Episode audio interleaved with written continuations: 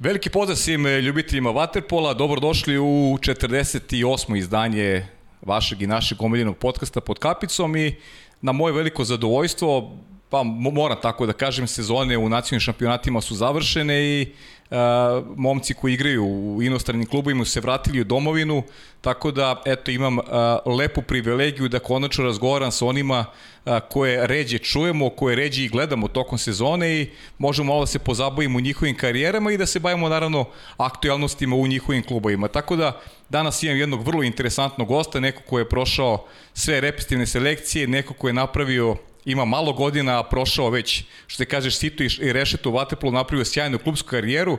Nadam se da ćemo gledati u buduće u, u repestivnoj kapici, a o, pre nego što zvanično započeo emisiju, pre nego što predstavim gosta, samo ću se osvrnuti na pripreme nacionalnog tima Srbije za olimpijske igre u Tokiju iz pozicije onoga što nas čeka naredne nedelje, a to je jedan vrlo atraktivan turnir u kome će učestvovati reprezentacije Španije i Francuske pored Srbije, biće tu i B reprezentacija Srbije, tako da ćemo moći da ispratimo eto srpski nacionalni tim kroz te ozbiljne provere i da vidimo gde se nalaze pred taj olimpijski turnir koji će ujedno biti oproštaj za onako dobar deo uh, te generacije, dobar deo sastava koji je proslavio srpski vaterpolo i sigurno jedna od najtrofejnijih, ako ne i najbolje generacije koje je ikad igrala vaterpolo. Eto, to je neka, da kažem, informacija koju sam želeo prosto da podelim pre ovog zvaničnog dela, a u zvaničnom delu moj dragi gost je Nemanja Ubović, novi vaterpolista Ferenc Varoša, nekad igrač Barcelonete, ponikao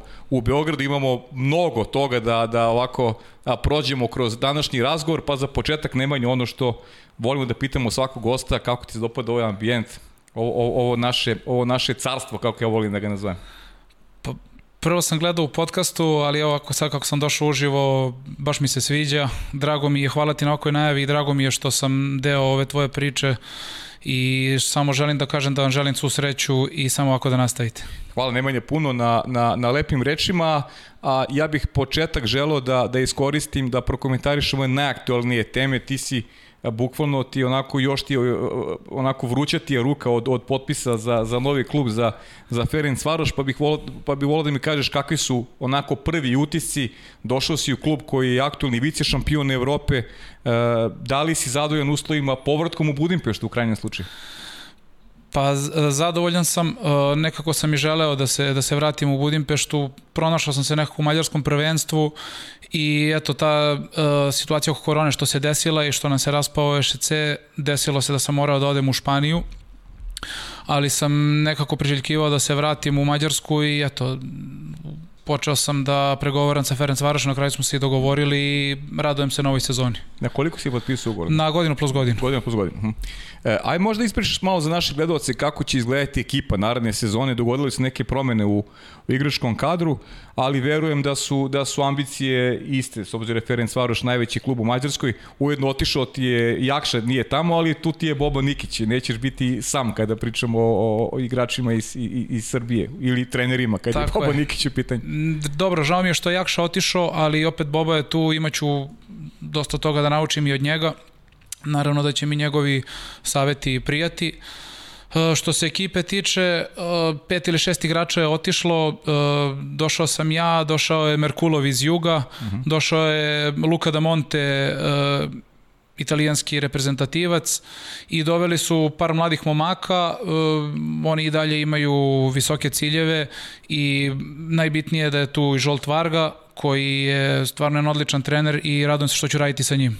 Da, o, o, o, otišao je Zalanki, ili tako? Tako je, otišao je Zalanki, otišao je Fontulis, otišao je Jakša, otišla su im e, dva centra, e, Bikari i Mezej, tako da ovaj, nova sezona, nova iskustva, vidjet ćemo. Ja sam jako optimističan i, i radojem se početku nove sezone. Jel nisu previše razočarani ovim porazom u finalu od Proreka Ferenc Varoš godinu nazad igra finale, osvaja u krajnjem slučaju. Imaju taj kontinuitet neki zaista u tim vrhunskim rezultatima. Pa imaju, mislim, nisam se iskreno ni čuo posle finala, Aha. nisam hteo da im stavim da. na, na žulj, ali dobro, dogurali su daleko, njima isto sezona bila turbulentna, imali su isto problema sa povređenim igračima, ali dobro, nastavljamo dalje, to je sve sport. Dobro, držimo ti figi da to bude sve kako treba. Vraćamo se kasnije malo na, na, na aktuelnosti pa i na priču o Ferenc Varošu, ali sad ću da te vratim uh, onako na, na, unazad na, na period neki odrastanja i uh, kažu svi da je neko već onako postalo kliše pitanje u, u ovoj emisiji, ali i smatram da je nužno za, za, za teme kojima se bavimo. Uh, otkud, kako Nemanja Ubović u Waterpolu? Pa jednostavno kao mali kad sam bio, voleo sam jako vodu. Uh mhm. -huh. I to, to je, prvo sam krenuo inače na plivanje, škola plivanja, pisali su me sa četiri godine i na 25. maju. Međutim, u to vreme nije bilo za uzrast od četiri godine škola plivanja i počeo sam sa starijom grupom, Međutim, u, u, u to vreme razlika od godinu dana je stvarno osetna i baš sam bio loš i kao mali bio sam onako i debeljuca i to sve. Mm -hmm. I jednostavno, jako sam brzo tu prekinuo, nije se meni to svidelo i napravili smo kao neku pauzu. I bili smo se preselili ovaj, blizu Tašmajdana i ajde, šetali smo se tako nekad pored Taša i stalno je bilo nešto na bazenu. I tako, ajde, kao ćeš da probaš školu Waterpola, ajde da probamo opet i to se meni svidelo i eto, ostao sam u sportu. Da, znači eto kako, kako je Taš imao, imao tu magiju da, da, da te privuče, da te privuče vaterpolu. A okay. čitao sam negde da ti je, da ti je rukomet kao, kao klincu bio drag. Pa jeste, ja sam imao jednu fazu uh, dok sam još igrao u vaterpolu klubu Beograd da ne mogu više da se bavim vaterpolom, to je to, toliko plivanja, toliko mučenja ne mogu. I razmišljao sam i o rukometu, razmišljao sam i o odbojici, ali kao što sam ti rekao, bio sam debeljuca i mislim, deda moj me stalno i vozio na treninge i vraćao kući i, i, i bio je baš uh, tu i pratio vaterpolo i sve. I popeo sam mu se verovatno na glavu kad sam tako izmišljao šta hoću da treniram i on meni jedan kaže, pa dobro, ajde, šta hoćeš da treniraš? I ja kažem, pođe idem na odbojku. I oni petni šest, pa dobro, aj reci mi koji odbojkaš debeo. I tu me je pokopo sa tom pričom, ostao sam u vaterpolu i eto, Ja, rekao si mi da je deda, da je deda nekako svestran kad je sport u pitanju, da, da, da je ono, sve živo uh, zna, prati, ovaj, pa eto, verovatno i tu ti negde usadio i on tu neku, neku ljubav prema sportu generalno, ne, Ne, pa, ne, ne samo kad je vatopol u pitanju. Pa verujem da jeste. Mislim i on kao, kao mlad bavio futbalom, stvarno je pokretna enciklopedija, mm zna puno igrača, zna dosta sportova, prati i dan danas uh, gleda, interesuje ga. Jedna zanimljiva uh, stvar kad sam otišao u Barcelonetu, pošto jel nije mogo toliko da prati preko interneta i rezultati. I on je meni rekao, molim te napiši mi na pačetu papira uh, sastav ekipe da ja znam koji je koji igrač, da ja to mogu da pratim kad gledam. Tako da... Sjajno. E, kaži mi, ovaj, kako, zašto Beograd? Obično deca se vezuju za, ne znam, Zvezdu, Partizan, e, ti si izabrao Vatepolu klub Beograd, i ti to kao klincu nije bilo toliko važno, bilo je samo da budeš u bazenu ili... ili... Pa tako je, mislim da mi u tom trenutku stvarno nije bilo bitno da li ću ovaj, biti u Zvezdi, u Partizanu, u Zemunu u to vreme, nekako, ajde, Tašmajdan je bio tu blizu kuće i dajde samo da bude što bliže kući. Međutim, eto, imali smo tu sreću da, da se ta generacija 91. Beograda poklopila i da smo stvarno imali super tu generaciju i generalno od tog nekog perioda, ti generacije 88. pa do nekog 93. sve to jako lepo onako funkcionisalo. Uh mhm. -huh. I na kraju sam ostao u Beogradu do svoje 18. godine. Uh, I posle sam otišao u Novi Sad, ali dobro, o to, potom pričat ćemo, o tome. Da. E, znaš šta, pričamo o Beogradu, ti ja, smo, ti ja smo i u pripremi emisije malo razgovarali, rekao si mi da su ovde već su se ljudi koji sedili na tvojoj poziciji dotakli malo Beograda, ali volim da čujem iz, iz perspektive svako ko je prošao kroz tu školu. Prosto o Beogradu se ne priča toliko. Uglavnom pričamo o klubovima koji su epicentru zbivanja Beograd. Nažalost nije, nadam se da će oni jednog dana eto, imati priliku da, da se bore za ove, za ove veće uloge, ali, ali mnogo, mnogo dobrih igrača je, je prošlo kroz tu školu. Ajde malo priče to nege vocir uspojenim. Šta si naučio, ko su bili ti treneri sa kojima si radio, pa ajde da i ti dotakneš tu impoznatnu brojku momaka koji su, koji su stasali u, u, u klub. Pa dobro, evo samo iz, iz moje generacije, pošto i ti momci koji su recimo bili 92. 93. su bili sa 91. Uh, neki iz 91. su išli sa generacijom 90. 89. i tako dalje. Uh, iz moje generacije su tu Strahinje Viktor Rašović, Mihajlo Milićević koji je otišao u Ameriku uh, na koleđ, ali isto je bio u, u juniorskim reprezent, re, reprezentacijama. Uh, od starije generacije, tu je Basara Ivan, uh, Marko Petković, Miloš Vukićević, uh, David Petković koji je presto se bavi vaterpolom, ali je, ali je jako uspešan. Uh, momci isto neki koji su otišli za Ameriku, kao što je, ne znam, Boris Plavšić i tako. Mm, mislim da je jako, jako puno momaka, uh, iako, na primjer, nisu uspeli u, u, u Waterpolu, da su, eto, ili otišli na koleđ, ili su se počeli se baviti nekim drugim uh, poslom, isto, jako su uspešni svi. Uh -huh. to, to, to moram da, da, da kažem. A treneri? Pa uh, u mlađim kategorijama su bili uh, Rade Potočan i uh, Mića Perišić, 2006. posle Evropskog u Beogradu uh, u septembru kad se igralo uh, je Miodrag Mirović preuzeo juniorsku selekciju pa je posle toga preuzeo i prvi tim. Jedno vreme uh, sam bio priključen prvom timu dok je i Đorđe Makuljević bio trener. Malo sam radio i sa njim u, u, u mlađim kategorijama individualno. Tako da ovaj kad je kad je došao Miodrag Mirović e, mogu da kažem da je on neko ko je stvarno usadio te neke sportske navike uh, u, u, u tim juniorskim selekcijama i eto i dan danas se držimo tih nekih postulata. E, šta misliš važno onako za mladi igrači ili neke navike te te radne to nešto što se nosi iz kuće ili ili je mnogo bitno i kako ti kako te trener negde da kažem obrazuje kako ti, kako ti, kakve navike radne ti usadi, a opet s druge strane koliko je važna uloga društva, on, momaka sa kojima treniraš, baš smo se dotakli te teme ovaj, pre početka emisije, da li je potrebna simbioza svega ili prosto izdvajaš nešto od, od, od te, te tri stavke? Ja mislim da uh, za razvoj jednog deteta i danas sutra sportiste uspešnog, da je sve to što si naveo jako bitno. Prvo, ovaj, sve polazi od kuće. Naravno, na, nažalost ima puno roditelja koji previše žele od dece kad su mali, treba decu pustiti da se zanimaju, da se igraju sporta. Jako je bitan period od 14. 15. godine pa do 18. 19. gde je stvarno bitna uloga trenera. Ja sam imao sreću da eto sa Mio Dragomirovićem sam radio, jer to je uh, trener koji je imao profesionalnu karijeru i od samog starta se postavio i govorio nam je neke stvari koje bi nas u budućnosti čekale, kako treba da se, da se ponašamo i mogu slobodno da kažem da sam imao tu sreću da sam radio sa dobrim trenerima tokom cele moje karijere. Uh -huh. Znači Miodrag Mirović neko ko je usadio da kažem te neke temelje kada, kada govorimo o, o, o tvoj, tvoj nekoj karijeri. Tako je. Ok, e, ajde sad otkrinem zašto, zašto centar? Kako si to definisalo? I to prosto se nametnulo to jer si bio buca kad tako si bio mali? tako je. tako je. Mislim da ovaj... Ajde, kad su nas tako pitali na nekom turniru, prvi turnir ja mislim da je bio, i pitaju nas ko će šta da igra, ko će šta da igra i ja rekao, pa ja ću centra. Sam mislim, nekako rekao. je da, da, nekako je najlogičnije bilo. Ovaj, I eto, na tome se, na tome i ostalo i sad samo usavršavamo. A kaži mi, si imao nekog uzora? Pa znaš kako, ovaj, kad sam bio klinac, naravno da mi je uzor bio Aleksandar Šapić, kada je to, ovaj, uh -huh, uh -huh.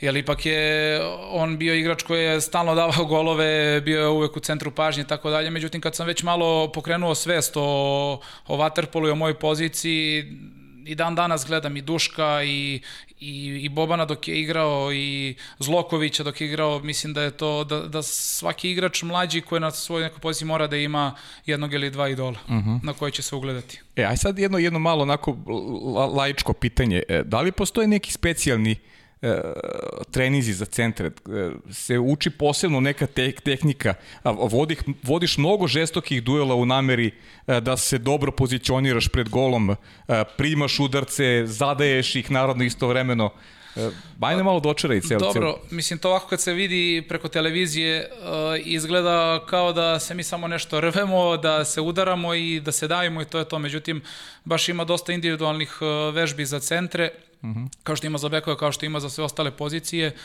I mislim da je to ključ svega, te neke osnovne stvari i posle se samo naravno sa iskustvom nadograđuju. Uh mhm. -huh. A kako izgledaju ti, ti, ti dueli? Su, koliko su fizički, koliko su fizički zahtevni? Zahtevni su dosta. Ovaj, na primjer, prošle sezone u, u Sabadelju jednu utakmicu nisam igrao i momak koji je bek, ovaj, tu utakmicu mora da igra centar. Uh -huh. I završilo se utakmica i ja rekao, kako ti je bilo? Kaže, uf, sad vidim kako je tebi, koliko je teško. Ne, jedva, sam, mogo, treba, jedva sam se vratio nazad ovaj, kad se završio napad. Tako da svaka, uh, svaka pozicija je onako drugačija priča za sebe jer uh, mi se malo više umaramo, uh, ovi na krilu treba malo brže da razmišljaju i tako dalje. Da. Neko bi se neko bi se uvijek čini da je da je centru neko najteže da se pozicionira da da i, i taj tajming kada treba da dobije loptu u centar je naravno tu je do bekova da prepoznaju momenat kada kada je centar došao do prave pozicije da mu se da mu se prosledi lopta. Zato kažu da, da centri stasavaju kasnije, jer dok pokupe malo iskustva, sve u redu da ti imaš fizičku snagu, e, i da sa 20-22 godine ti si jak i da je sve to ok, ali kad ti ne možeš da prepoznaš moment kad treba da se poz, da, da, da imaš poziciju da dobiješ loptu ili kad treba na koju stranu da se okreneš, džaba sva ta snaga. Mislim, ja igram centra, ali ne spadam u kategoriju nekih teških centara, ali eto, gledao sam malo drugi kako igraju, sticao iskustvo i to je jako bitno da, da, da pratiš i druge kako igraju. Tebi, te, ti si onako, po, tebe kad porede ljudi kažu da onako na, na Duška Pjetlovića posjećaš ili imaš i, imaš i neku brzinu i o, pokretiv, si, pokretiv si centar. Nisi onaj, što kažu, statični centar. Znaš nego. kako, kad me pitaju kao, pa dobro, super, vaterpolo igraš i šta igraš? Ja kažem, centar sam ti centar. Pa kao kako, znaš, nisi mi nešto ni jak, ni ništa. Ja rekao, eto, desi se. Zalomilo se. Zalomilo se. ja, možda izdvojiš neku situaciju iz bazena, sa pravi malo digresiju, kad već govorimo, kad govorimo o tome, neku, neku koju ćeš zaovek da pamtiš, možda neki, neki udarac koji si dobio ili, ili ovaj, neku, neku situaciju koja, koja će tebi da ostane zaovek urezana u, u memoriji. Pa evo sad kako si to rekao da će ti biti urezano u memoriji, ovo mi je ostalo urezano za ceo život igra. U Novom Sadu sam bio u Vojvodini, mm -hmm Igrali smo Ligu šampiona protiv Spartaka iz Volgograda. Mislim, kad igraš protiv e, Rusa, mora se spremiš na batine i na, na sve, bukvalno moraš da se mhm. spremiš. I bila je jako bitna ta utakmica, igrali smo u Novom Sadu, dobijali smo ih, e, sve je to išlo kako treba i u jednom momentu kad mi je pala lopta na dva metra, e, bek taj koji je bio, ne mogu sad da setim kako se zove, mi je bukvalno gurno dva prsta u, u usta i tako mi je povuko usta da mi je sve pored zuba ovako iskidao taj, taj bol nisam ono osetio u životu, stvarno. Bilo je žestoko. Ali dobro, mislim, to je sve sastavni deo mm. igre, šta se desi u bazenu, desi se i da. teraš dalje. Na, naučio si, prepostavljam, kroz, kroz karijeru, sad si već jako mlad čovjek, imaš iskustva, da, da u takve situacije mora sačuvaš neki, da kažem, razum, pribranost i da jednostavno, da jednostavno ideš dalje. Tako je. Pa mislim, to se ide s godinama, ja ti to sad kažem, ideš dalje, teraš to. Međutim, da. sad 21-2 dve naravno. naravno hoćeš odmah i da vratiš, hoćeš tako da... Je, tako je. Tako da, ali dobro, nauči sve to vreme. I si vratio nekad? Pa vratio sam, šta da moram. Naravno. E, kaži mi, pa, da se vrati još malo na Beograd, pamtiš li taj debi za Beograd? Se sećaš rivala nekog prvog gola? Uh, imam kod kuće stvarno isto neku svesku što sam zapisivao još u vreme, eto kad, kad je baš i e, Mijedrag Mirović došao da nam bude trener u, juniorski, u juniorskoj selekciji, pa nam je stalno terao da zapisujemo neke stvari, da, da, da to imamo negde za, za danas sutra. I baš sam pogledao tu svesku i uh, debitovo sam, uh, mislim da je bila 2007. godina, da, uh mhm. -huh. sa, sa 16 godina protiv Tenta. Tad je Tent još uvek igrao u prvoj ligi i, i to je bio debi. Uh mhm. -huh. Je, je, si dao neki gol? Ne mogu da se setim. Ne. ne mogu da se setim. Ali ovaj, dobro, tada u to vreme mi smo imali problema sa, sa krovom na Tašmajdanu, mm -hmm. pa smo jedno dve godine i, i menjali bazene, tako da smo stalno s tentom igrali, ali eto, ovaj, puno klubova tih kao što je, kao što je i Beograd, nažalost, nisu sad na tom nivou kon su bili pre, ali eto, ja im od srca želim da se vrate na staze stare slave. Samo malo podigni mikrofon, molim te podigni ga Aha, gore. E, e super, dobro. odlično.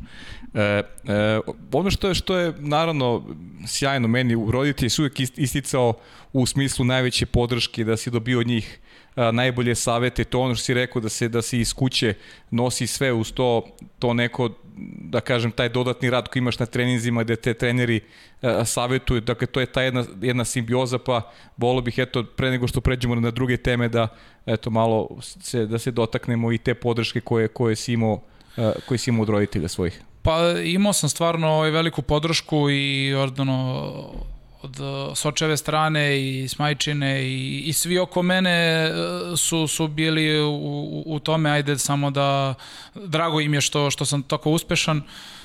Mm, Evo, na primjer, i dan danas kad odem na Tašmajdan da plivam, žene tamo što rade na Tašmajdanu me pitaju, jao, kako si, jel ti je deda dobro, jel, jel sve kako treba, ja sećamo se kad te dovozio na, na, na bazen i tako, tako da, eto, to su stvarno neke lepe stvari da se po 100 godina ljudi sećaju. Mm, Kad sam bio i u, u Barceloneti i u Breši, e, dolazili su tamo stalno, pratili su utakmice, ne znam, tata bio x puta tamo gledao i tako. Mm, Ja sam stvarno ponosan što su, što su me tako ispratili i što sam imao njihovu podršku. Pozdrav, pozdrav i za, i za porodicu. Pozdravljamo ih. Pozdrav za porodicu, a ja bih sad da prekinemo samo sa, sa ovim onak standardnim ovim, ovim, ovim, da kažem, procedurama u emisiji, da vidimo prvo video pitanje, pa Vanja, ne znam da li je spremno prvo uključenje. Veliki pozdrav za ekipu podcasta i sve gledalce. Đavole, godine kada smo u Barceloneti igrali zajedno, osvojili smo sve. Ali pitanje glasi, sećaš li se odakle je sve počelo? I drugo pitanje, e, kada i da li ikada planiraš da uzmeš bodove u krčedinskom stonom tenisu? Veliki pozdrav. Veliki pozdrav za Marka Petkovića, vaterpolistu Jadrana iz Herceg Novog, koji će biti ovde gost prvom prilikom, naravno, a ili znaš dakle je sve počelo? Znam. Tu sliku sam ti čak i poslao. Ili jesi? Ovaj, da. Ovo, vidjet ćemo posle, nadam se. Vidjet ćemo sigurno. Da. leto pre nego da, da odem za Bars. To je bilo 2013. godina i bio sam na širem spisku reprezentacije. Bilo je svetsko prvenstvo u, u Barceloni i ja sam posle polovinu jula i avgusta imao slobodno. I u avgustu je počinjala letnja liga i ajde kao ćemo da igramo letnju ligu i skupilo se stvarno fina ekipa. Bio je Marko Petković, bio je Ivan Basara, ja, uh, Vedran Ćirković, uh koji je tad aktivno bavio vaterpolom i ajde kao da igramo. I onako tu super smo to proveli tih mesec dana, vikendom su bile utakmice, malo putovali po Srbiji, igrali i osvojili tu letnju ligu pošto je bila priča da uh, je Valjevu bitno da odigraju tu letnju ligu, da, da je osvoje, ako osvoje dobit će balon. I onda ajde, super. Idemo da igramo, da se zezamo i eto, osvojili smo tu letnju ligu i od tad je sve počelo. Što kaže Marko, za godinu dana smo uzeli sedam trofeja, uh, pored Lige šampiona i, i uh, super, super kupa Evrope smo i tamo u Španiji uzeli sve trofeje, tako da smo imali odličnu sezonu. Pričamo o Barceloneti, a Hoćemo. drugo pitanje, ovaj krčedinski tenis, tenis. Evo, evo ja te pozivam da dođeš da vidiš, ovaj, nije baš to tako kako se on hvali, jeste da je to njegov ovaj, domaći teren, ali, ali dobar sam u stonom tenisu, tako da E, i ja sam, da znaš. Jel? Da. E, pa onda te pozivamo tamo, e, Marko ima vikendicu i onda kad možemo se skupimo, imamo tu društvo to iz Vaterpolo kluba Beograd, to su uglavnom stariji momci, ali eto, ceo život se znamo i družimo i onda odemo tamo da se okupimo, odigramo stoni tenis. Super, omiljene rekreacije. Jeste. Ne, idemo samo malo promijen sa leđima, ali dobro misli, to ide, ide s godinama, ide s godinama. Znaš. Manji je, manji je teren, pa morati toliko da trčeš da se pomeraš. E, ali samo da znaš da me, da me naveo, ako se ne seti, podsjeti ga da je u pitanju letnja liga u I ja Valjevu. sam se setio. Sjetio si se na, na kec. Na kec. Eto. E, kaži mi, e, 2010. godina, završili smo sada tu priču sa, sa Beogradom, opet ideš putem kojim se teže ide. E, opet te nema Partizan Zvezda, biraš e, Novi Sad, Otkud te 2010. godine u Novom Sadu? Ili bila neka druga opcija ili prosto, ili si, ili prosto to bio tvoj izbor neki? Pre nego što počnem, ja moram Ajde. samo da ti kažem da sam ovaj, stvarno imao tu sreću, ako to mogu tako da nazovem, da za koji god klub da sam igrao, to je za koji god klub da sam se odlučio, da eto, da je sve to nekako uvek išlo uzlaznom putanjom. Ovaj, eto te 2010. kad sam uh, odlučio da idem u Novi Sad, uh, imao sam ponudi od Partizana, tad je Igor Milanović bio trener, uh, oni su tu već imali, iako je Partizan institucija i nema potrebe trošiti reči o Partizanu, ali nekako se nisam bio tamo u smislu što o, trenirao bi dobro sigurno, ali, ali verujem da ne bi puno igrao, jer su imali stvarno jedan odličan centarski par i odlučio se za Novi Sad jer e, opet e, radio sam sa Dejanom Stanojevićem i nekako uh, video sam da imam dosta prostora za igru, igraju Ligu šampiona i eto tamo, tamo me povuklo da, da se dogovorim sa njima. Da, rekao si već Dejan Stanojević, kako izgledala ekipa s kim si se tu, što se kaže, ukačio, kako ti je, mislim, to nije neki prelaz sada kad pričamo životno, Beograd, Novi Sad, sve je tu. Nije, ali, sve ali tu. u, u Novom Sadu, kogod da me pitao dakle kad sam rekao iz Beograda, svi su me pitali, jao, pa što, što si došao iz Beograda ovde? Je tako? ali nekako da, uh, ali nekako meni više odgovaraju manji gradovi za, Aha. za život i te godine, ne, na primjer, bio je Boris Vapenski, bio je Miroslav Ranđić, bio je Miloš Marinković, uh, bio je Marko Matović, bio je Ivan Basara, imali smo stvarno dobru ekipu, mm, u to vreme je Dača bio direktor kluba, uh -huh. tako da je sve to nekako bila zdrava priča. I ništa, dogovorio se s njima, potpisao ugovor na četiri godine i tamo sam tri godine proveo i posle toga sam promenio. A kaži mi, kako su izgledali ti susreti u Ligi šampiona? To je ipak prvi izlazak na najveću scenu. Uh, kako si sebe video u, u, da kažem, tim relacijama sa tim najboljim i centrima na svetu i sa najboljim klubovima? Ili si, ili si prepoznao onda tu uh, sebi uh, mesto u, u Vateplu i rekao, ok, ja imam potencijal da, da, da, da napravim lepu karijeru? Pa, meni se to javilo kad sam završio srednju školu. Uh -huh. uh, imao sam ponovno da odem u Ameriku na onaj USC univerzitet. A, vidiš, to nisam znao. E, uh -huh. ovaj, i nekako nisam se video tamo.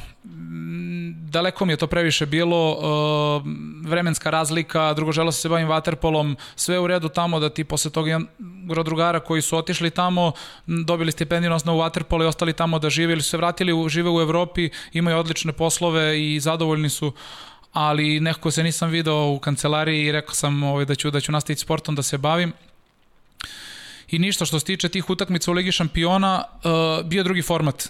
Uh, bile su grupe po četiri ekipe i dosta je bilo kvalitetnijih ekipa ili možda sad iz uh, ove tačke gledišta mi to tako uh, to sad kažem, ali onda smo mi možda bili previše mladi pa pa ovaj nam je to tako izgledalo.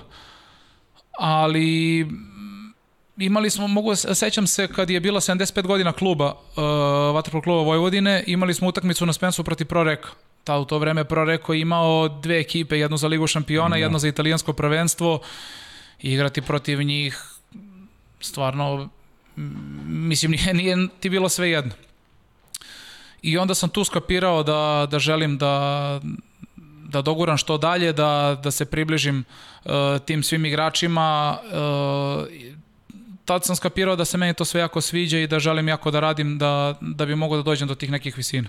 Da, o, o, ono što, ono što si sigurno dobio u Vojvodini, dobio si kvalitetan rad, jer kad pogledamo i sadašnju reprezentaciju, ja to volim često da ističem, uh, to ne sme, ne sme da se zaboravi, ne sme da se, da se zaboravi iz percepciju onoga što, što treba se dogodi u budućnosti srpskog, srpskog vaterpola Vojvodina je uvek imala neverovatnu bazu igrača, uvek bila rasenih talenata i o, nije ti mankalo sigurno kvalitetnog radi usavršavanja u Novom Sadu. Tako je, pogotovo što u to vreme Dejan Stanović bio pomoćni uh, trener reprezentacije da.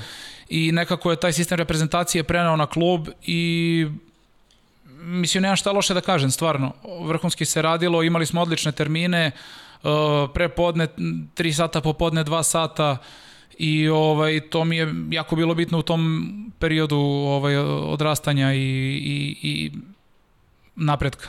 Ja, kaži mi koliko opet s druge strane teško uh, izboriti se za mesto pod suncem kad ideš Ba, ba, realno to je teži put koji si ti imao. Beograd, Vojvodina, dakle zaobilaziš ove, ove da kažem i klubove i centre koji su negde u fokusu maksimalnom. Uh, nisi baš na oku, teže izboriti se za neko, za neko mesto pod suncem. Uh, često opet volim da pitam svoje sagovornike, da li si nekad usled i materne situacije kakva jeste inače bila u srpskom klubskom vaterpolu, da li si nekad pomislio eto sad dao si mi dobar šlagvort i, i to je taj poziv za Ameriku. Da li si nekad pomislio u jednom momentu da kažeš e, ja, ja više ne mogu? Pa već kad je to uh, otišlo tako daleko da da sam i odlučio da odem od kuće i da, da živim u drugom gradu, nikad nisam došao u situaciju da kažem ja ne mogu, teško mi je i hoću da batalim sve mm. ovo i da, da završavam. Mislim, pored sporta sam ja završio školu, da me ne pogrešno. E, ali, Znam, pričat ćemo o tome. Ali, da, znam. ali da, ono, da prekinem se bavim sportom, nego uvek uh, me je to vuklo da, da budem bolji, da napredujem, da opet kad se vratim kući da dokažem da sam tamo negde napravio nešto i tako dalje. -huh. Tako da sam uvek imao neku motivaciju. Super.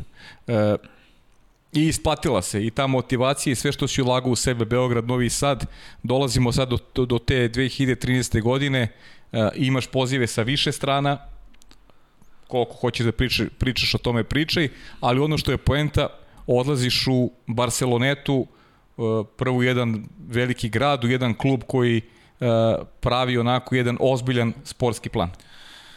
Pa jest, mislim, uh, sad s ove tačke gledišta ja kad sam dobio ponudu Barcelonete, uopšte nisam to gledao tako da je to toliko ozbiljno, da... Uh mhm. -huh.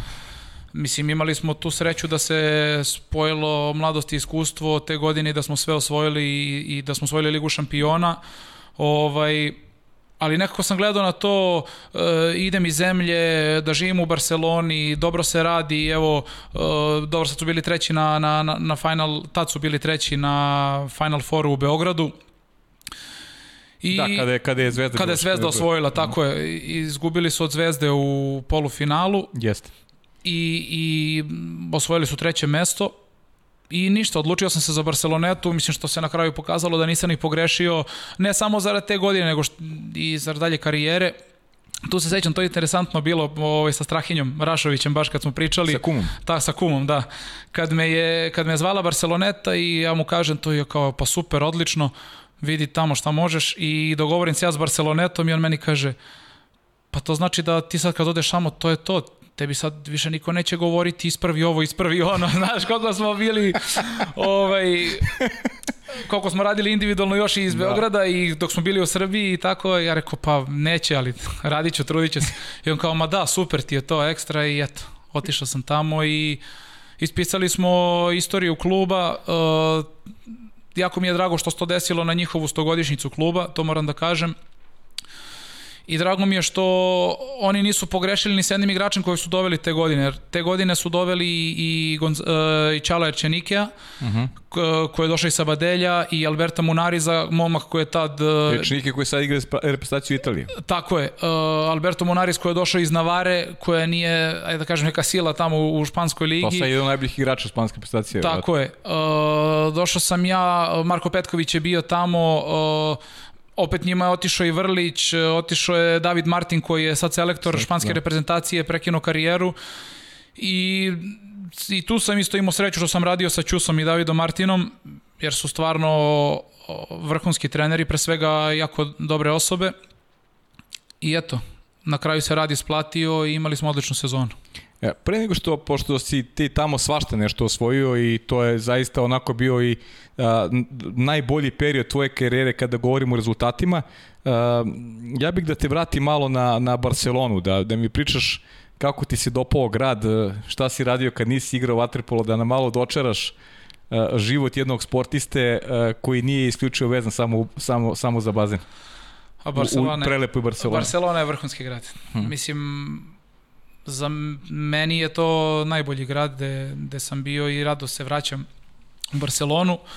Uh, imao sam tu sreću, pre godine sam živeo na Barceloneti, baš kod uh mhm. -huh. blizu bazena i tu onako življe dosta i baš je puno turista bilo i puno barova, restorana, tako da uvek je bilo nekog, nekog sadržaja. Imali smo jedan bar koji je bio blizu bazena i kako smo svi jel, mladi došli te godine, bilo interesantno posle treninga utakmice. Tamo se utakmice igraju uh, subotom od recimo 12.1.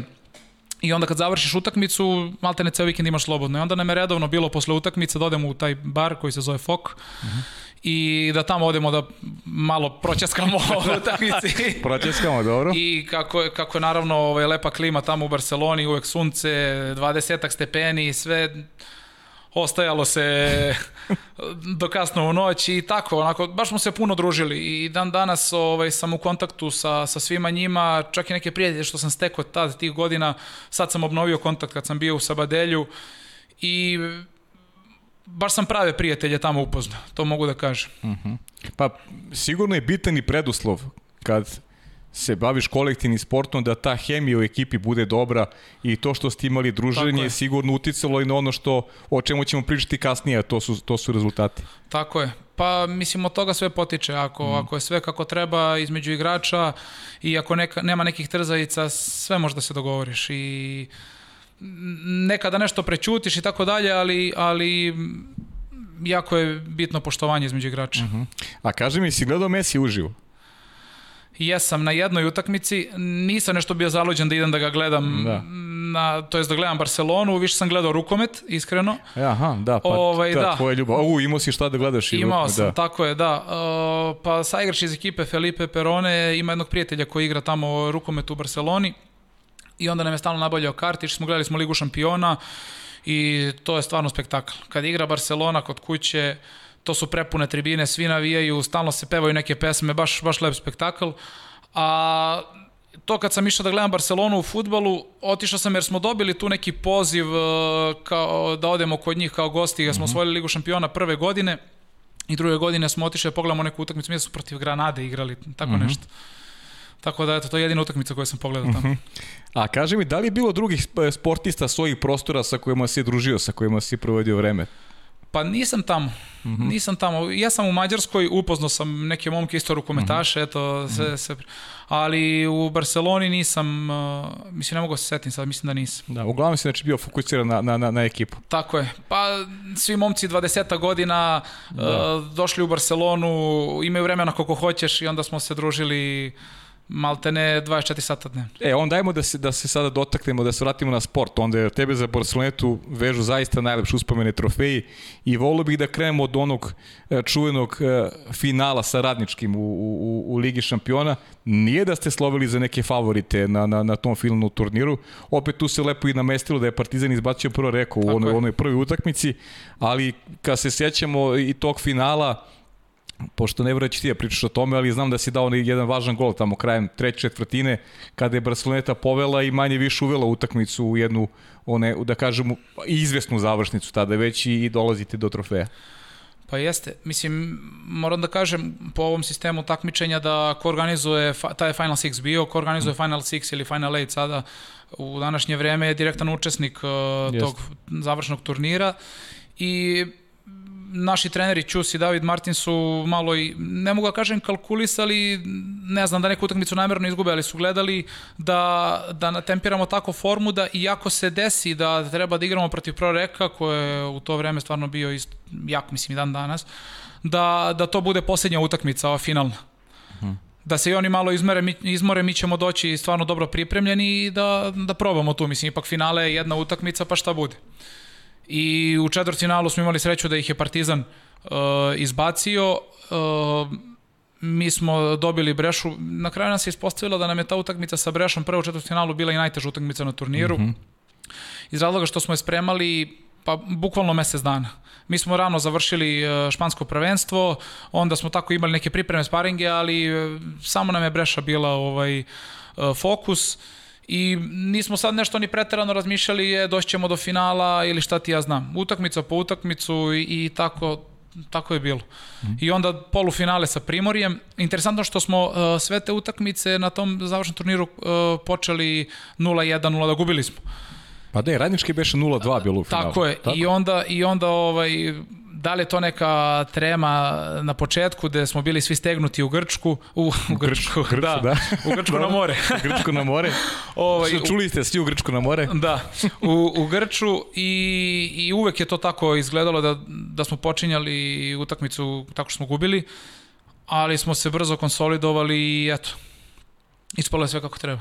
Da. Uh, je bilo neke proslave, kako, kako je dočekao, mislim, taj, stvarno niko nije očekivao taj, taj, taj rad. Jeste bili domaćini, ali opet po, u konkurenciji koja je bila, Uh, znaš kako, samo mogu da ti kažem da mi je žao uh, što sam osvojio Ligu šampiona tako mladi jer nisam znao da se, da se radujem.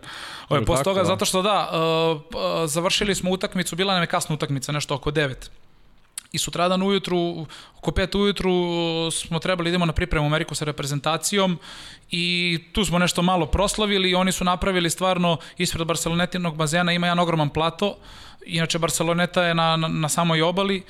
I tu su napravili kao neki, kao neko selo gde su bile razne tende, utakmice su se gledale i tako. I onda smo se tu vratili, malo proslavili i ništa. Pošto sam kući ispakovao se i na pripreme. Da. Tako da nisam ušte proslavio to kako bi trebalo. A kaži mi, osvojio si Super Kup Evrope. E, kakve su tu uspomene? Postoji malo na, na, na, na tu Jeste. utakmicu. Ovaj, igrali smo protiv Spartaka, Spartaka iz Volgograda. Iz Volgograda. Tako je.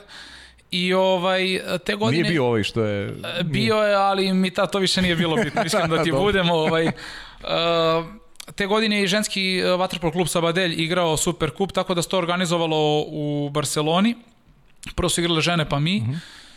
I spremali smo ih, mislim, znaš i sam kako su Španci svi onako ni, fizički ne mogu da pariraju Srbiji, Hrvatskoj, uh mhm. -huh. Crnoj Gori, Rusiji. Da. Ali ovaj njihova vrlina je brzina uh -huh. i i spremali smo utakmicu protiv Sparka iz Volgograda e, na osnovu toga što eto, svi su oni ogromni, imaju po 2 metra i iskusni su igrači bili, imali su dosta starijih igrača i eto, mi ćemo na tu neku mladost i, i, i na brzinu pravo da ih povedimo.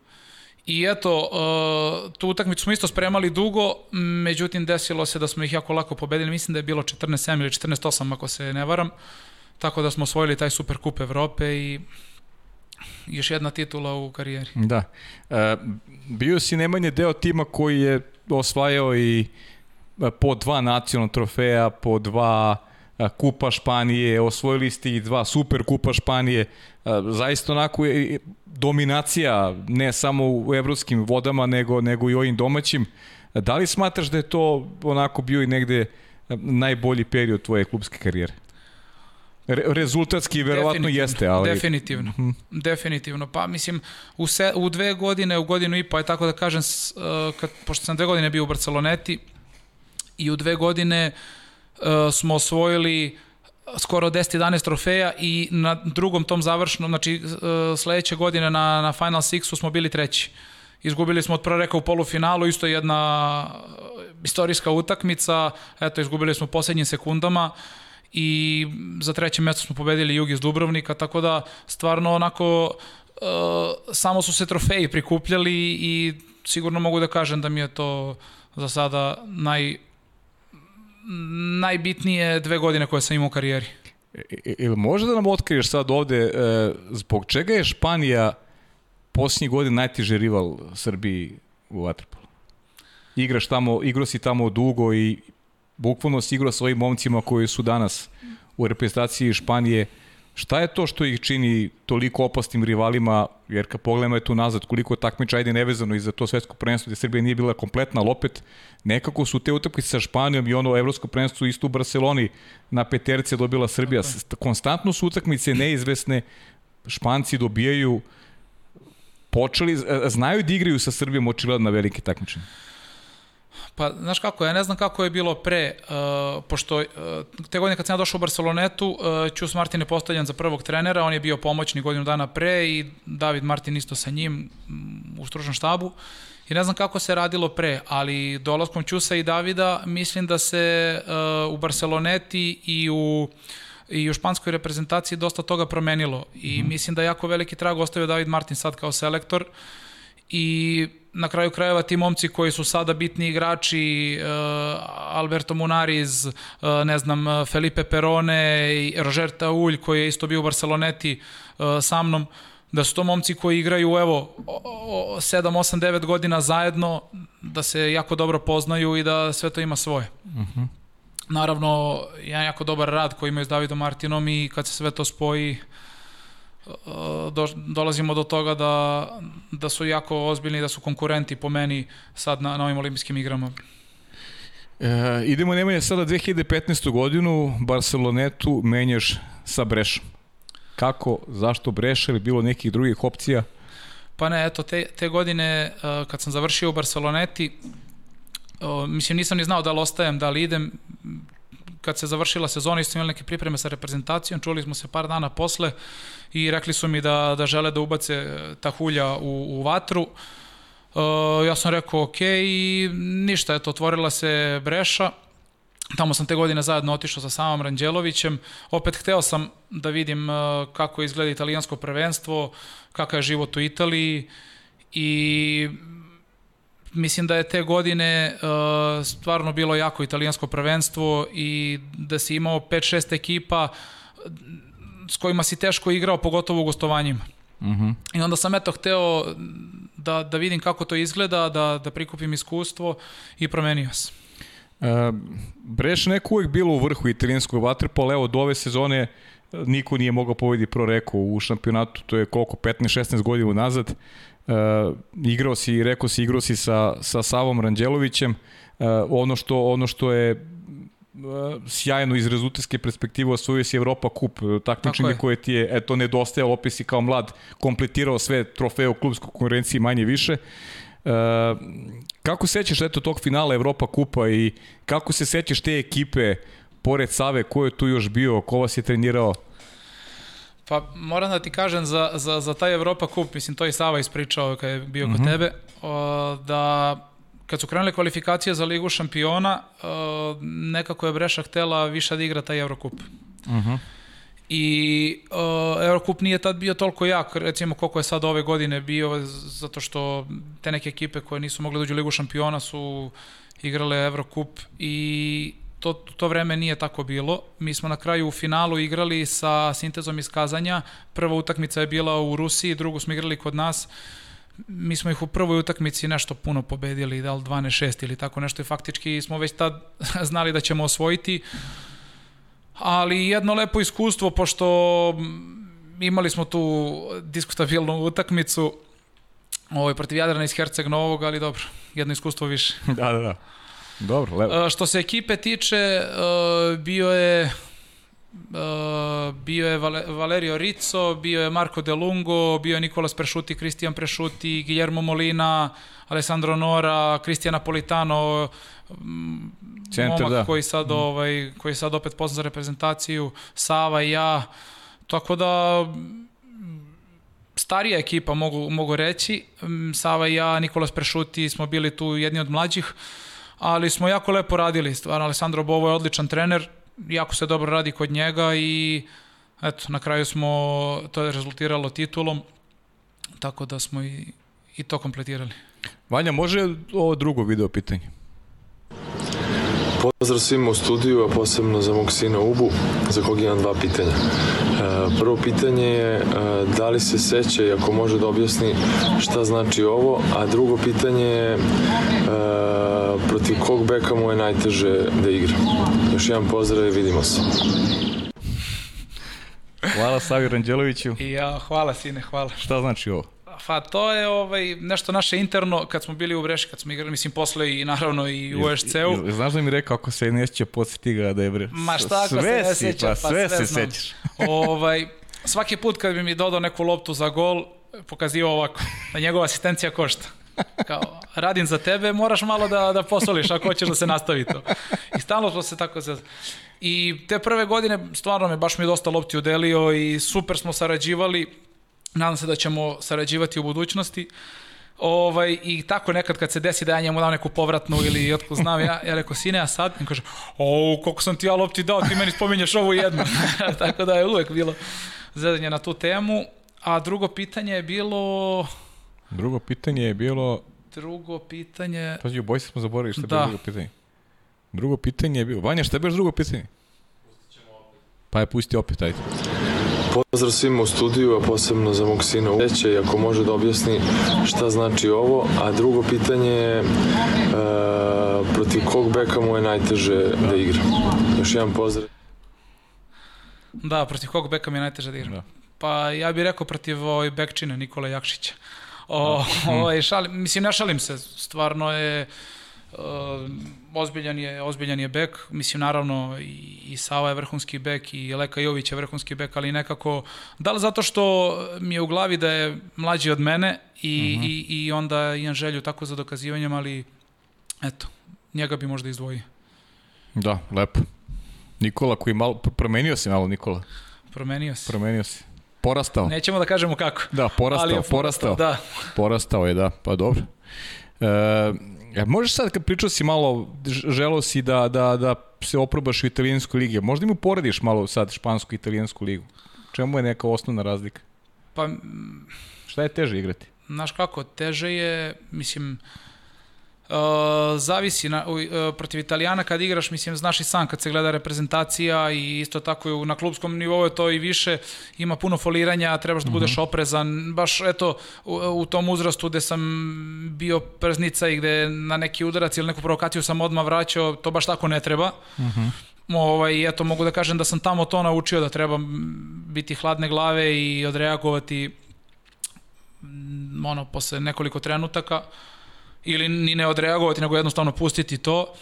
A opet u Španiji nekako, uh, kao što sam rekao, uh, mi iz Srbije, Crne Gore, Hrvatske smo dosta fizički jači od Španaca i nekako je teško bilo uskladiti to. Lako su svirali kontrafaulove, recimo meni ili, ili nekom strancu su teško davali faulove, puštali su više e, španske igrače ali mislim da je, mislim naravno doteći ćemo se i te teme, a mislim da je naj, najteži onako vaterpolo u Mađarskoj u smislu što se pušta kontakt, što uh, se bukvalno do poslednjeg trenutka ništa ne svira i recimo meni je bilo jako teško, pošto sam dve, godine, dve i po godine sam bio u USC-u, uh, da se vratim sad na, na suđenje u Španskoj ligi. Uh -huh. To se, recimo, tu sam baš osetio. E, aj kako pamtiš e, Ubo Brešu kao grad? Ima li neke anegdote koje možeš ili želiš da da podeliš sa nama. Neću da insistiram na to anegdote, anegdote, svi Da. traže anegdote, ali to prosto ide spontano, ovaj, tako da To ljudi vole da čuju. vole da čuju, da. Ovaj prelep grad, stvarno. Uh -huh. um, malo nalik Novom Sadu, ovaj manji gradić isto, jako lepo pozicioniran, na sat vremena od Milana, pola sata od Lago di Garda, ako si hteo da odeš na planinu, mislim ja volim da skijam koliko god uh -huh. mi to dozvoljava. E, da, to znam da više voliš planinu Da, nego, više nego, volim nego, planinu, nego da, more, da, nego more. Mm. Ovaj, na sat i po su bile dve planine, Madonna di Campiglio i Ponte di Legno. I si skio, i si išao u Madonu, jesi vjerojatno? Pa išao sam, odem, išao sam na dan, bukvalno mm -hmm. nedelju, rano ujutro poranim, sat i po sat mi treba do tamo, skijam, vratim se uveče i eto. Mm -hmm. Čisto da zadovoljimo. Gledaš inače skijanje, voliš da gledaš inače ne, skijanje? Ne, ne, ne, ne. Voliš samo da skijaš? Da, da skijam, da. Da, da. Ovaj, imali smo uh, tu sreću što smo upoznali uh, našeg čoveka, Sava je to spomenuo, našeg fratela, mm -hmm. Ljubu, ovaj, Ljubka Sekolića, gde smo, gde nam je čovjek stvarno pomogao šta god da nam je trebalo, da li da nađemo stan, da li tako oko nekih papira, družili smo se sa njim, sa njihovim sinovima i dan danas smo u kontaktu, evo recimo sad sam ovaj, se vraćao iz Španije kolima, pa sam se vratio do njega da ga vidim, da ga pozdravim. Super. I tako, jako lepo prijateljstvo. Mhm, mm mhm. Mm Znači, le, lepe uspomene. Lepe, lepe uspomene. Nekako breš. mi je Breša uh, više porodičan grad. Aha. Recimo, za nekog sa malom decom, uh, nije toliko za mlade momke. Ima, ima mesta za izlaske, ima dve, tri, dva, tri pijacalea, uh -huh. uh, lokala, dosta, ali nije, nije kao recimo Barcelona, nije kao Beograd. Nije. Pa dobro, znači za, za, za tebe je sad Breša u principu. Da, da, da. Dobro. E, rekao si jednom prilikom, ne znam, demantuj me ako nije tačno da bi volao da igraš za Proreko. Jes. Pa dobro, mislim, Pro Reko je stvarno, mislim, kogo god da pitaš o Waterpolu, svi znaju da je Pro Reko uh, najbolji klub i da je toliko Lige šampiona osvojio i evo, sad su 5-6 godina bili bez titule Lige šampiona, sad su je opet osvojili, ali kad se kaže Pro Reko, isto to je neka institucija kao što je Partizan u, u Srbiji, -huh. i voleo bi ako, ako bude bilo prilike eto nekada zaigram i za njih. E, nisi otišao pro reku iz Breša, ali si došao u Budimpeštu, već smo pričali Tako o je. OSC, e, klub koji je tada imao zaista onako velike planove i neko iz godine u godinu je dolazio sve veći broj kvalitetnih igrača, dosta igrača sa kojima si onako sad stekao i prijateljske odnose, e, plan je bio negde da se sve to zaokruži čak i titulom prvaka Evrope. Tako je. Mislim, moram da kažem da je to sve nekako postepeno išlo. Po, da. Prve godine uh -huh. smo došli Sava i ja tamo. Um, ne mogu da kažem da nam je ekipa bila za toliko dobra, to jest bili smo u Ligi šampiona, ali pa nismo išlo imali... je kako treba u stvari. Da, išlo je kako treba, tako je. Ovaj, nismo baš imali neke uh, rezultate u Ligi šampiona i u mađarskom prvenstvu isto bili smo četvrti. Izgubili smo od Egera za treće mesto i tu, to sad spomenuo zato što se Sava i ja stalno uh, zezamo sa Strahinjom, tako kad smo igrali jedni protiv drugih mm -hmm. i onda ti si mene dobio, ja sam tebe dobio, tako mislim. Ali godinu posle je došao Bane Mitrović, uh, pa evo i treće godine došao i Andrija, uh, Aleksa Ukropina je isto došao mm -hmm. sa Banetom te godine. I nekako je to sve lepo izgledalo, nažalost desila se korona, iako nema veze nikakve što se OSC raspao sa koronom, ali eto, samo se iskoristio taj moment, ali imali smo odlične rezultate, završili smo tu polusezonu, uh, bili smo prvi u mađarskom prvenstvu, prvi u grupi u, u Ligi šampiona i šteta što se to nije završilo, mislim da bi daleko dogurali. Da, a opet e, u Mađarskoj nije lako, da kažem, pomutiti dominaciju Solnoka, Ferenc Varoša, Egera, Tako je. koji je ta, u to vreme takođe, mislim, Eger koji, se, koji je na putu oporavka, a opet Liga je definitivno najjača kada pričamo o kvalitetu posljednjih, ne znam, deseta godina. Pa jesi ti sad spomenuo te ekipe, ali recimo ti dođeš na neko gostovanje, da igraš protiv BVŠC-a, da igraš protiv Debrecina i da, da se malo opustiš. Nemaš sigurne bodove. Tako je, nemaš sigurne bodove. I onda je svaka utakmica bila na nož. I eto, to mi se jako svidelo, zato sam ti rekao da kad sam otišao bio za mhm. Sabadelj, da sam neko priželjkivao da se vratim u Mađarsku, zato što sviđa mi se ta, taj vid tenzije i mislim da tako uh, igrači mogu da napreduju i da, da budu sve bolji i bolji. A Budimpešta kao grad, rekao si mi i to da ti se, da ti, Jeste, da ti se dopala. Pa, ovo Mitar sada gleda, verovatno bi rekao, ma ko je Budimpešta nije živeo u Budimpešti, da. ovo, jer nas je zezao, bio smo živeli u, u Beču. Uh -huh. uh, ali jednostavno... Čudi me za Mitra. Da, ali jednostavno ovaj, izabrali smo da živimo blizu bazena, velike su gužve tamo u terminima treninga i da smo živeli u centru grada, da putujemo četiri puta dnevno po, po pola sata, stvarno bi bilo previše. I onda smo, ovaj, i Sava i ja živeli jedan pored puta drugog, uh, jedan pre, uh, preko puta drugog tu pored uh mhm. -huh. bazena. I kad je trebalo išli smo u grad, ali bili smo udaljeni poprilično. Tako da sad evo uh, živeću u Budimpešti, da. ovaj, to je sa Peštine strane, uh, pošto je tu i Ferenc Varoš. I uh mhm. grad kao grad je prelep nalik Beogradu, ima dosta toga da se vidi, blizu sam kuće, tako negde i o tvom kvalitetu, koliko si, koliko si cenjen u evropskim okvirima, govori taj podatak da kada se raspao SC nije bilo lako naći klub, pogotovo ono vreme covid i, i, i, i koje čega, eto pojavio se Sabade, Sabadelj pa da završimo tu priču o, o klubskom o klubskom waterpolu sa eto dolaskom u Sabadelj gde si, gde si proveo uh, prošlu sezonu, pa eto, ajde da mi kažeš malo kakva su to iskustva blizu Barcelone, opet nisi otišao daleko od, od kuće, poznat. Da. nisi živeo u Barceloni, da, što da, bi rekao da, Mitar, da, da. ali, si, ali si bio blizu. E, to ti je ista situacija. Uh mhm. -huh. ovaj, drago mi je što sam se vratio u Španiju iz razloga što, eto, mislim, kad se to desilo sa OSC-om, maltene su sve ekipe bile popunjene i bilo je tu nekih ponuda iz Francuske, i, ali nekako kad sam dobio ponudu od Sabadelja, razmišljao sam bolje mi je da idem negde gde poznajem ligu, gde, gde, gde poznajem igrače, gde poznajem jezik, nego da odem negde u Francusku da se opet dokazujem, jer eto na taj Sabadelj, kad se to desilo s OSC-om, nekako sam gledao na to kao usputnu stanicu, zato što, kažem ti, kad sam bio u OSC-u, jako mi se svidelo u Mađarskoj i mislio sam da ću ostati dugo godina tamo. Uh mhm. -huh. I ništa, otišao sam u, u Sabadelj, u jednu jako mladu ekipu. Prvi put sam se susretao s momcima koji su po 10 godina mlađi od mene i onda je to bilo, wow, sad si već da. ovaj, mator. Uh, super smo počeli sezonu, uh, uzeli smo, osvojili smo taj super kup, uh, mm. pobedili smo Barcelonetu u polufinalu, pošto oni su završili isto zbog korone sezonu na četvrtom mestu, ali se prekinula sezona i trebali završiti na drugom. Međutim, tako je, takve su utakmice imali da su imali neke poraze i nije se odigralo do kraja, završili su na četvrtom mestu i sistem Superkupa je bio igrao se u dva dana, prvi sa četvrtim, drugi sa trećim polufinala.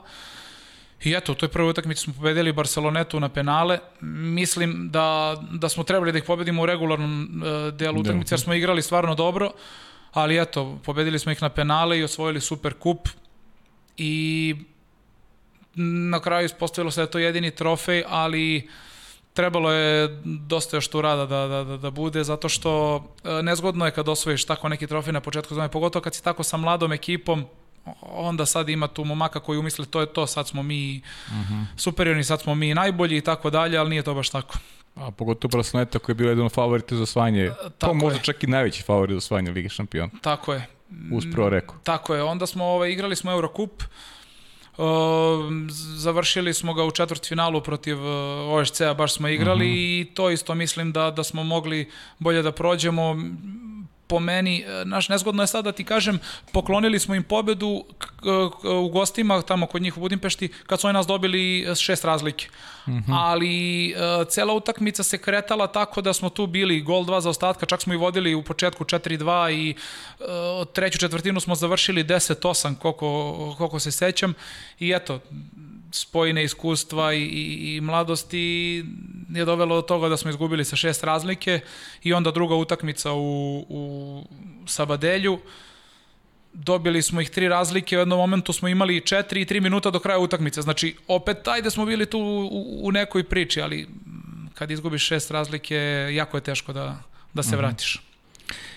E, vraću ti još na, na onu priču, ovaj, onu priču sa Viktorom Gutjerezom koji su preneli onako malo nespretno i, ovaj, i, i, i domaći mediji. E, pomenjem to iz i želje da ti onako e, onako imaš da pružim podršku, ne ja lično, nego u ime e, svih ljudi koji prate podcast, dobio sam mnogo poruka kada čuli da dolaziš i od tvojih bivših kolega i sadašnjih kolega i bivših kolega koji su mi onako naglasili da ti prenesem apsolutnu podršku i eto prosto koristim tvoje prisustvo da da nam ispričaš eto onako što se kaže e, iz prve ruke celu tu situaciju i eto neprijatnost jednu koju, su be, koju si bez ikakvog razloga u jednom momentu doživeo. Pa dobro, mislim pre svega hvala ti i, i hvala svim ljudima, stvarno to moram da kažem, koji su mi se javili, da ih sad ne imenujem, bilo ih je puno i stvarno sam se iznenadio koliko mi se ljudi javili, prožilo podršku i od srca im se svima zahvaljujem. Uh, ovaj, što iz Srbije, tako i iz, čak i iz Barcelonete, i iz Vreše i, i stvarno im hvala na tome. Ništa, mislim, Uh, to je jedna bila bezlena situacija zasnovana na osnovu laži koji je taj momak iskoristio samo zarad nekog svog zarad neke svoje reklame uh,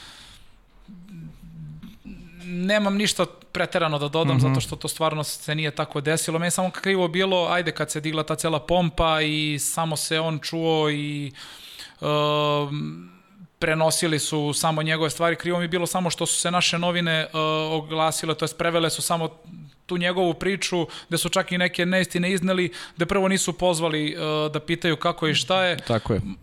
Moram samo da i tu da ti kažem da se stvarno uh, zahvalim dvojici, trojici novinara koji su me pozvali, ne bih sad imenovo znaju oni ko su, da pitaju šta se desilo i tako dalje. Uh, ali eto, mislim, to se tamo završilo sa tom, uh, sa tom kaznom. Ja sam uložio žalbu zato što video na osnovu koga je doneta ta presuda je, ne može ništa da se vidi na osnovu njega zato što stvarno ništa nije ni postojalo i to je to, sad sam na sportskoj arbitraži i da, da dokažem da je to neistina i eto.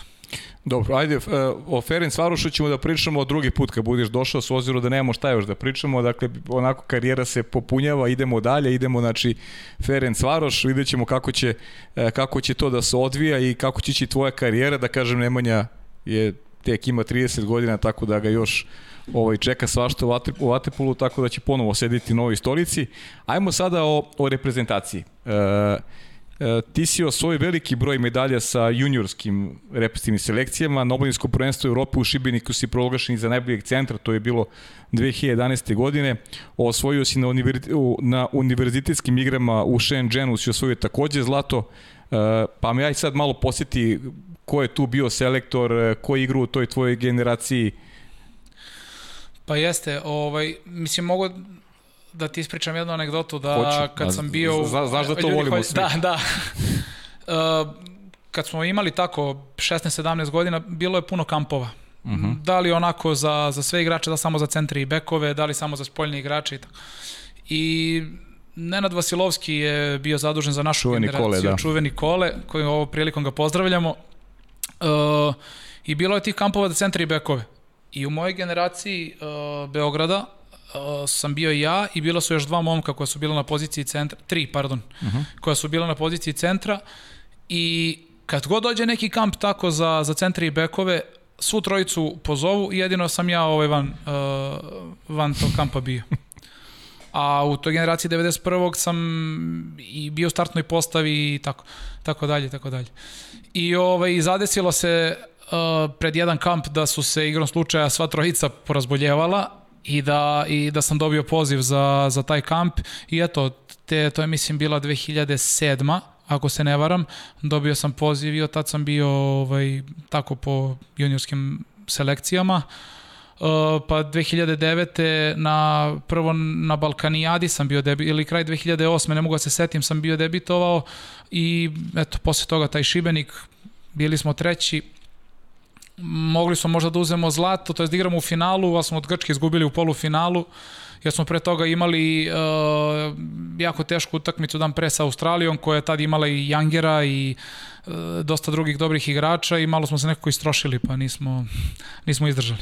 Dobro, sigurno to priznanje za nebijeg centra ti je Pa jest, mislim, iznenadio sam se kad sam to čuo. Mm -hmm. Nije mi uopšte bilo to na pameti da možda se desi, ali eto, lepo priznanje. Te iste 2011. godine si dobio i poverenje da zaigraš za nacionalnu selekciju, da zaigraš za prvi tim. E, e, to se dogodilo u svetskoj ligi, dakle 2011. poziv Dejana Udovičića, tadašnjeg selektora. Tako je.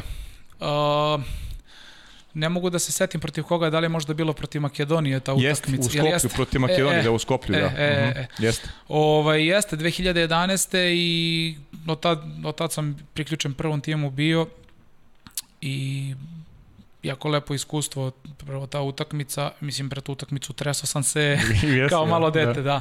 Ali dobro, eto, tad sam bio sa njima, imao sam dosta toga i da naučim i jako lep period u mojoj karijeri. Ko je bio tad od starijih? Tad su bili i Vanja, i Boba, i, i Boba, Rađen, da. i Fića, Žile. Žile. Soro je isto bio... Uh,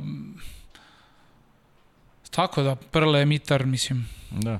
To kad vidiš te starije, to mogu zamisliti kad dođeš u, u reprezentaciju, a a gledaš momke ono koji Tako su je. legende. Imaš Bobo i Duleta ispred sebe, ti si da. tu sa, sa 20 godina, kao misliš da znaš nešto, stvari ne znaš ništa, nemaš pojma. da. Kaži mi, aj, kad pričam o staciju, osvojio si dve svetske ligi, jedan svetski kup u Almatiju 2014. godine, tako da i, i tu nosiš neke neke lepe uspomene, pa kako se sećaš eto tih tih nekih e, ovaj, događaja? Moram da ti ispravim, tri svetske lige. A tri svetske lige, izvini. Tri svetske lige, da, i taj uh, turnir u Almatiju, uh, pa mislim, drag mi je taj turnir u Almatiju uh mhm. -huh. zato što smo bili svi mladi. Uh -huh. uh, mislim, otišli smo podmlađeni, uh, dobili smo uh, dobili smo Mađarsku u finalu koja je išla u punom sastavu, jer je te godine izgubila od nas u, u Budimpešti na evropskom da. prvenstvu i hteli su da uzmu makar neki trofej i eto, ta, ta utakmica je pravo sticanje iskustva. Ovaj, Tako da, mislim da sam 2000, da sam 15. ne, pardon, 14. 16. i 17. da su bile svetske lige uh mhm. -huh. i ovaj svetski kup 2014. 14. u Matiju, da. Tako je. Ubo, najvrednija stvar koja ti se dogodila sa reprezentacijom sigurno 2017. godina. Bio si deo reprezentacije koja je osvojila svetsku bronzu na, na, na šampionatu Budimpešti. Uh, svi pamtimo taj polufinalni meč sa Hrvatskom na mnogo golova, na jednu loptu, na Andriji šut u finišu za koji treba bude iz izjednačenje. Uh, prekinuti tada veliki veliki niz pobjeda. Hrvatska slavila u, u, u neizvestoj završnici, ali kasnije uh, E, kao i mnogo puta kroz istoriju e, reprezentacija je vrlo redko gubila, ako izgubi polufinale, redko je gubila u meču za bronzu za bronzanu medalju. Uvek je nalazila da kažem neku energiju i da i posle teškog poraza da da se da se podigne i onda ste slavili u u meču za bronzu. Tako je. Pa dobro, mislim to je nešto što krasi našu reprezentaciju i ta sloga i i da se tako dignu posle nekog poraza te godine smo umesto Bobe i Žileta Viktor i ja ušli u, u ekipu. Mhm. -huh. Krivo nam je bilo, bilo zato što, eto, posle tokog niza od, od, od četiri godine i osvojenih svih turnira, da se zadesilo da, da smo izgubili u polufinalu, jer ceo taj turnir smo igrali vrhunski, stvarno mhm. -huh. neko, neko, jednom visokom nivou, ali eto, uvek se zadesi jedna utakmica gde, gde neke stvari ne idu, gde zakažeš malo u odbrani i Izgubili smo, ali dobro. E, posle toga smo se vratili protiv Grčke i ne mogu da kažem lako, ali uh, lakše smo još i na kraj sa njima tad, uh mhm. -huh. za treće mesto. E, pa imaš svako razlog da budeš ponosan, onda jedno, jedno prelepo iskustvo i, i imaš neki detalja koji se onako posebno sećaš, nešto ti je ostalo opet, kažem, urezano vezano za to prvenstvo. U krajnjem slučaju, znaš kako ljudi vole da se šale, penziju si osvojio. Ovaj. Yes. Da. Ovaj, pa sve okay, ajde odigraš svetsku ligu, odigraš uh, uh, svetski kup, da. uh, neke utakmice svetske lige tokom sezone, ali kad se dođe na tako jedno takmičenje, to je skroz druga priča. I ja iako sam tad uh, ušao u ekipu sa 26 godina, naš, osjećao sam se kao da, da imam 21, kako da ti kažem. Naš, uopšte, baš mi je bilo veliko je takmičenje, sad uh, svaka utakmica je bitna, ne smeš da pogrešiš, tako dalje. Ali, dobro, kao što ti kažem, svi momci iz reprezentacije su i mene i Viktora super primili i, i davali su nam podršku. Uh, čak i eto, to sam ti bio rekao kad smo pred utakmicu za, za treće mesto, jedan igrač da ga sad ne imenujem mm -hmm. se mhm. našalio rekao ej baš me briga imate sad vremena da obezbedite penziju i, i ne interesuje me ništa da tako da ovaj ispalo je to sve kako treba bila je bronza žao mi je što nije bilo zlato ali dobro medalja je medalja tako je e, Vanja može treće treće pitanje Ćao svima Šaljem pozdrave iz tople Slovenije. Ubo, imam dva pitanja za tebe. Prvo je koji gol ti je najdraži u karijeri do sad? Naravno, ukoliko možeš sada da se setiš nekog gola koji bi izdvojio. I drugo pitanje je da li želiš da se vidimo za vikend da popijemo taj dugo i očekivani kortado nakon godinu dana koliko nismo mogli da se vidimo zbog obaveza. Ajde, čao. da mu odgovori na drugo pitanje. Ajde na drugo odmah, da. A, a, može, javi mi se preko Instagrama, čućemo. Šalim se, ma, naravno vidjet ćemo se samo da se vrate sa priprema. Ovaj, pa ne mogu sad da ti kažem koji bi go izdvojio. Mm -hmm. Mislim, znaš kako, taj go što si spomenuo protiv radničkog mi je eto, ostao u pamćatu što je bio malo specifičan. Ba, važan. Tako je i važan. Drugo, sad s OSC-om, to je pre dve godine skoro kad smo igrali protiv Proreka i sam dao neki go za kraj za, za pobedu, mislim ne za pobedu, vodili smo dve razlike tipa 3 minuta do kraja i eto dao sam gol za, za tri razlike i malte ne onako da skineš pritisak da, će, da ćemo uh mhm. -huh. ih dobiti. To bi tako izdvojio, ali inače nije da nešto sad uh, pamtim preterano, je, taj mi je bitan, taj... Uh mhm. -huh. Moram nešto te pitam, ovaj, uh, i to su me mnogi pitali, ovaj, nije baš da su te mazili selektori, evo nisi ni sada na, na širem spisku, uh, ima mnogo pitanja to, pa sad, eto, to je imali nekog, da kažem, ono, neke, neke tuge zbog toga, a, a, neću reći nezdovoljstva i kako vidiš sebe kada je u pitanju tvoja budućnost vezana za, za nacionalni tim?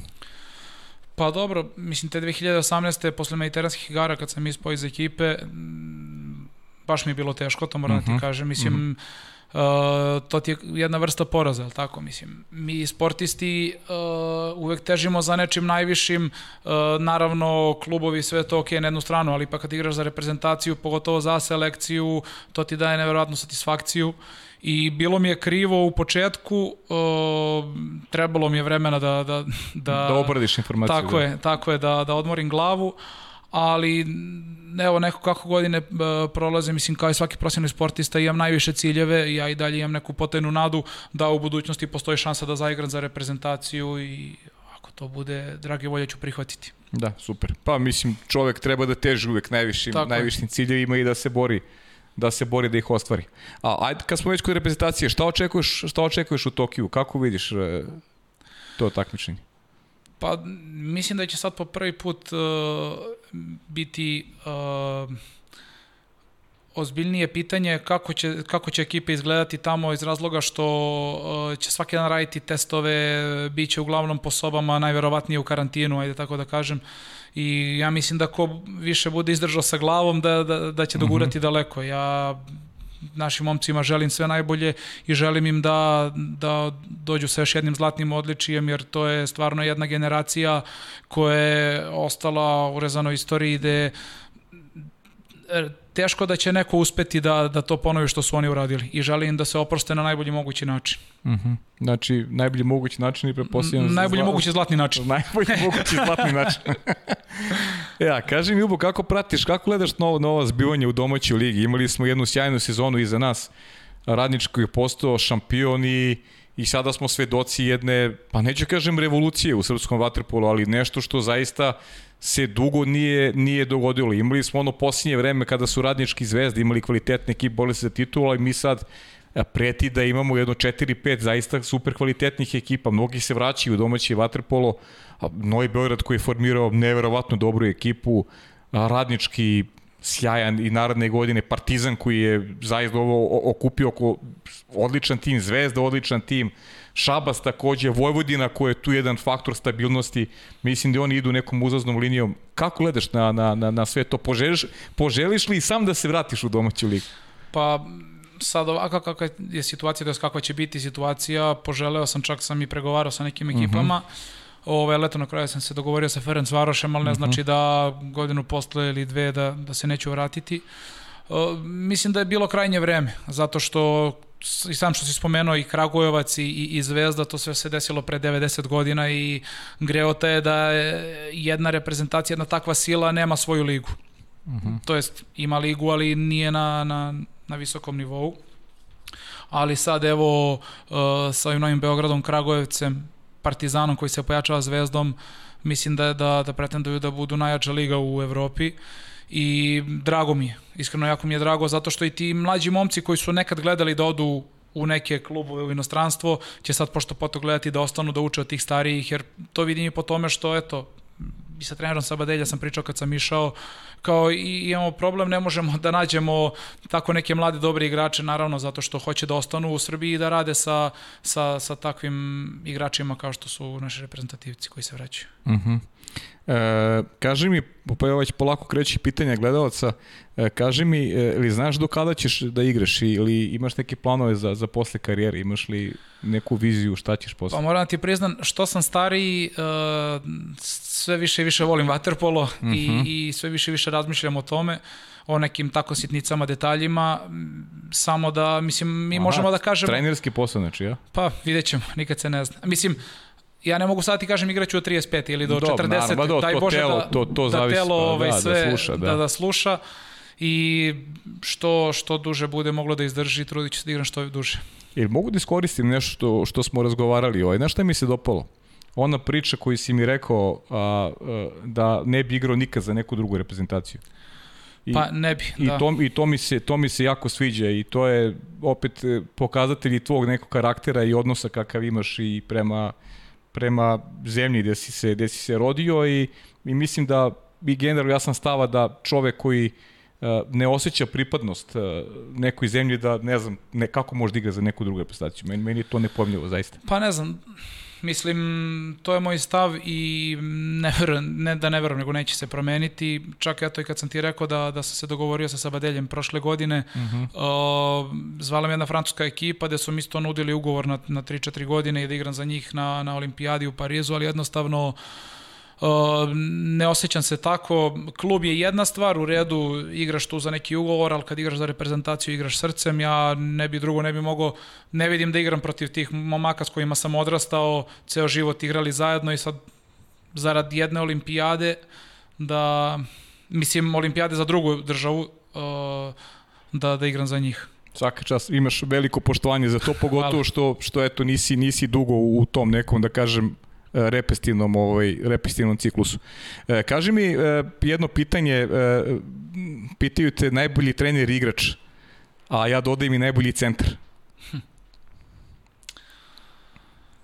Pa, najbolji trener...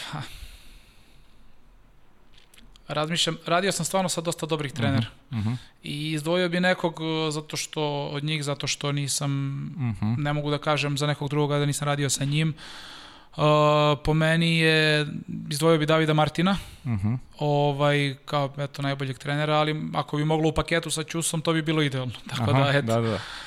Uh, najbolji centar definitivno Duško, jer uh mhm. -huh. koliko godina nazad pokazuje da je stvarno najbolji i da uh, toliko, uh, toliko je stvari uradio, ne pričam sad o, o titulama koje je osvojio, naravno, -huh. Ali da evo i u ovim godinama to ko izdržava u vodi da, da nikad nije imao neke oscilacije da kaže šest igra odlično dve godine i sad ga nema nigde tri. On je uvek u, u top formi i njega bi izdvojio i rekao si mi za najboljeg igrača. Igrača, aha. Pa izdvojio bi Andriju. Andriju. Hm. Andriju, onako celokupno gledajući uh, kako on gleda na vaterpolo, uh, kako se, mislim, ono, kako trenira, koliko je požrtvovan, kako igra, naravno, mm -hmm. izdvojio bi njega. E, Vaso Nikolić, 12, pita kako izgledao početak UVK Beograd i kako izgledao bazen Tašmajdan? Sad malo smo pričali Beogradu, sad ne znam, ovaj, ajde ti vidi šta, šta. Ovaj, da, pričali smo, pa drugačije izgledao. Tašmajdan uh -huh. je tad onako stari izgledao, imao je one visoke ivice, uh, pa si morao da, mislim, nije u nivou vode bilo, uh -huh. nego su one više bile, pa rekao sam ti par puta da, da ne ponavljamo kakav sam bio fizičke predispozicije, teško mi bilo da izlazim iz bazena, pa sam uvek jurio neke stepenice. Ovaj, ali sad bazen e, Tašmajdan izgleda odlično, stvarno to moram da pohvalim, da su ga renovirali lepo i e, da se nadovežem, voleo bi da se Beograd vrati na staze stare slave i da, ili makar približno, jer je Greota nemati jednu ekipu koja trenira na Tašmajdanu i igra ozbiljan materpolo. Uh -huh. e, Aleksandar Pantić je, ne znam da ga se sećaš. Sećam ga se, Seća da, ga se. On, on šalje pitanje iz Amerike. Evo, ja ću da, da krenemo od trećeg, ima tri pitanja za tebe. Kaže, da li se sećaš rivalstva između studenta i Beograda i punih tribina na tim utakmicama, uključujući i vodeći ljudi iz srpskog vaterpola u to vreme? Sećam, mislim, ja sam tad baš bio, uh, mislim, klinac, imao sam 16-17 godina, po koju utakmicu sam igrao tad za prvi tim, ali tad je to mm -hmm. rivalstvo između Beograda i studenta bilo jako, ovaj, jako veliko. Uh, isto je ulazak iz prve B u prvu A ligu, to, to je kao da se igralo, ne znam, ono, Zvezda Partizan, stvarno. Mm -hmm. Tako da uvek smo imali nezgodne utakmice protiv njih. E... Ne mogu sad baš da ti kažem da se sećam svakog detalja, jer... Da, da, pa dobro. Davno beš. Davno bilo, da. E, Aleksandar Pantić ponovo, kaže, obzirom da je bio projektom od Malena da bude naslednik e, Duška Pjetlovića, e, šta se dogodilo i zbog čega nije dobio pravo priliku, mislim da smo negde i odgovorili onoj malo pređu situaciji, ali evo ti vidiš pa, kako, jes, te, da. kako, te, kako te Aleksandar doživljava. Dobro, mislim da smo to rekli. Da. Ovaj, da, tako, tako je. Eto. Biće prilike. Biće. E, opet Aleksandar Pantić, Makate je trenirao u Beogradu, šta misliš o njegovoj knjizi i rezultatima koje su oni Bata Orlić postavili 1989? Uh, jeste, trenirao me u Beogradu, rekao sam ti, uh, uh mhm. -huh. priključen sam bio prvom timu kad je on bio trener, uh, zajedno sam Milivojem Dobsen, to moram isto da kažem, ali sam isto imao neke individualne treninge sa njim. Uh, pre dva dana sam video Maku i dobio sam knjigu, detalje sam pogledao, nisam stigao da. celu da je pročitam, ali mislim da to što je uradio je stvarno, mislim, ja mu skidam kapu, zato što preneti tako znanje da dati celog sebe, malo ko može to da uradi. Evo i ovde Makina knjiga i kod nas u studiju, dakle kupite obavezno Makinu knjigu, rekao sam i prošle nedelje, redke su knjige o Waterpolu, moje trenersko iskustvo znač, znači će svima, znači će onima koji su u Waterpolu, a i nama koji volimo Waterpolo i koji nemamo dodirne tačke kad je u pitanju uh, neka, da kažem, igračka karijera i trenerska, već iz neke ljubavi možemo da naučimo mnogo više o ovom sportu, tako da obavezno imajte ovo štivo u kući, svi vi koji i pratite podcast i volite Waterpolo. Eto, to su to, da zaključimo onda sa tim, sa Aleksandrovim pitanjima, da ga pozdravim i, i još jednom i drago mi je što konstantno učestvuje u kreiranju pitanja u ovoj emisiji. Leno te pita, ali izgleda, to smo već pričali, da li istina da ćeš igrati za selekciju za Srbiju B na predstojićem turniru u Beogradu? Nije tačno, očigledno ima pogrešnu informaciju. Pitate izvesni e, John Jubović, Koja, koja mu je medalja najomiljenija i šta bi izdvojio kada je najdrže osvojen u dosadašnjoj karijeri? Naravno, e, gospodin Otac, Tako je. veliki pozdrav za njega. Ovaj, veliki pozdrav, naravno. Uh, pa, zasigurno medalja sa Barcelonetom, uh, zato što je uh, došla u, u, u mislim, momentu kad nisam to očekivao, to jest, uh. -huh. otišao sam tamo da napredujem, da radim i eto, nisam očekivao da ću osvojiti Ligu šampiona, ali to se desilo odmah posle prve godine i to mi je stvarno najdraže iz razloga što i pored te medalje što smo osvojili sam kažem ti jako puno prijatelja steko i mislim da je to najveće zlato ovaj iz cele te priče. Čak i sad kad sam se vratio za Sabadelj dosta ljudi mi je reklo drago mi je što se vraćaš družićemo se videćemo se i stvarno si super potez napravio.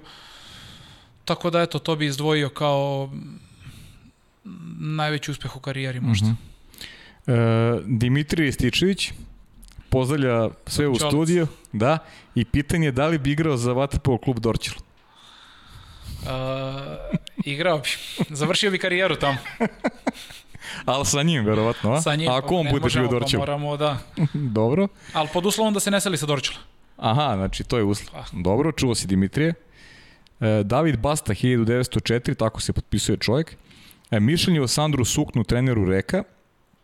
A, veliki pozdrav i kaže, vratili ste mi želju da ponovo gledam Waterpolo.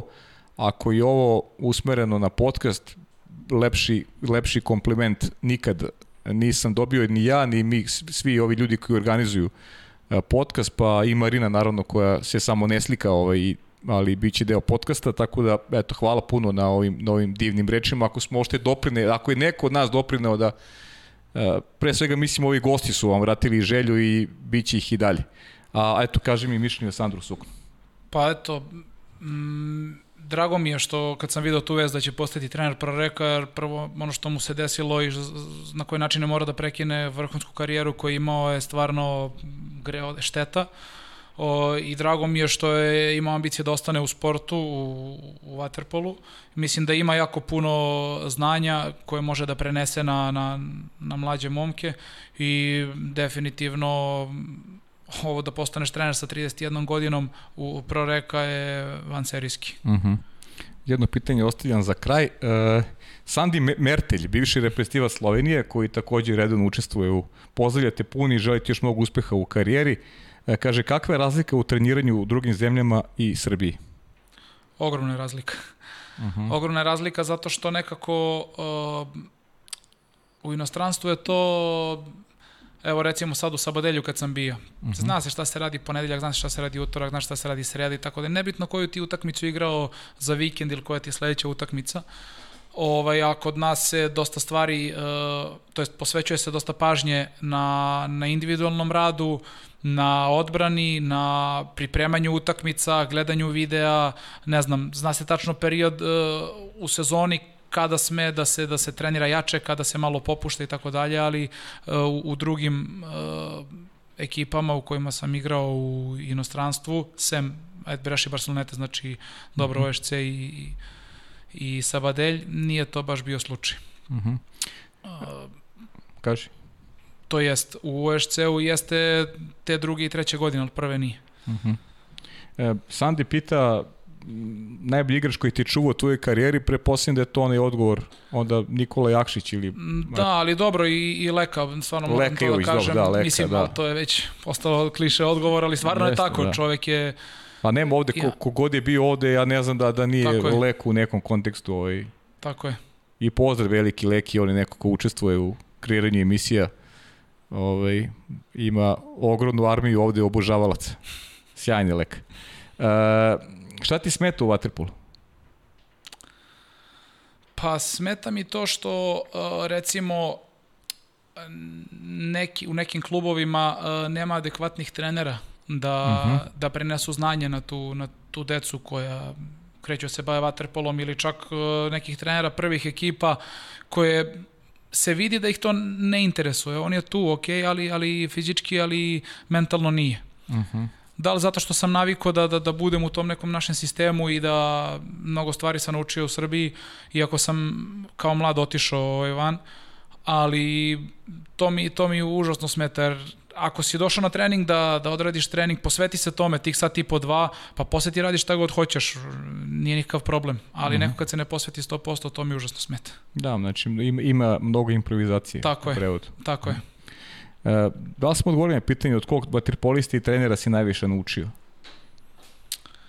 Pa uh, u početku tom, recimo od juniorskih dana, jako puno sam naučio od Miodraga Mirovića, uh -huh. to sam rekao i posle od svakog trenera sam uzimao po nešto. Uh -huh. Mislim da je to najbolja kombinacija i generalno sam dosta u karijeri stvari naučio od, od, od raznih trenera. Uh, a od vaterpolista? Od vaterpolista, dobro, kad sam bio na širem spisku reprezentacije dok su Boba i Dule igrali, dosta su mi stvarno stvari govorili, te neke stvari sam naučio od njih, ali tako isto neke finese, to sam naučio od Baneta, zajedno kad smo igrali u OSC-u i od Andrije i sa samom sam isto x puta pričao o tako nekim utakmicama i nekim situacijama, tako da mislim da najbitnije da igrači među sebe pričaju i da se tako uh, upotpunjuju i da napreduju zajedno. E, ovo je interesantno pitanje Sandijevo. E, kaže, najbolja prva postava igrača s kojima si igrao, a da nisu Srbi. Ili bi mogo to da onako na... S kojima sam igrao da nisu da Srbi? Da nisu Srbi, da. Mogo bi, ajde ovako. Uh -huh. uh, golman Marko De Lungo. Uh, desna strana Valerio Rico i. tu mi malo tanja desna strana. Šans. No. Valerio Rico i stavio bi Alberta Munariza. Uh -huh. Levo Felipe Perone i uh, Felipe Guillermo Molina. Uh -huh. I dobro na centru mislim nisam uh, igrao sa nekim centrima da bi ti rekao sad uh, od, od stranaca da bih ti rekao sad njega bi stavio tako da uh -huh. neko ostane mesto centra upražnjeno. Upražnjeno, dobro. Da. dobro. Uh, Jelena Stojanović je za nju pozdrav, malo se aktivirala nam Sjelena pošto imala obaveze na fakultetu, ali ona redovno šalje pitanja. Kaže šta je po njegovom mišljenju ključno za poziciju centra? Uh, Pa prvo da bude uh, fizički spreman, ne uh Mhm. -huh. mislim samo na, na izgled, nego i da, da može da izdrži puno ovaj, u vodi, da kapira igru i da, da bude snalažljiv. Uh -huh. uh, sa koliko godina si naučio da plivaš?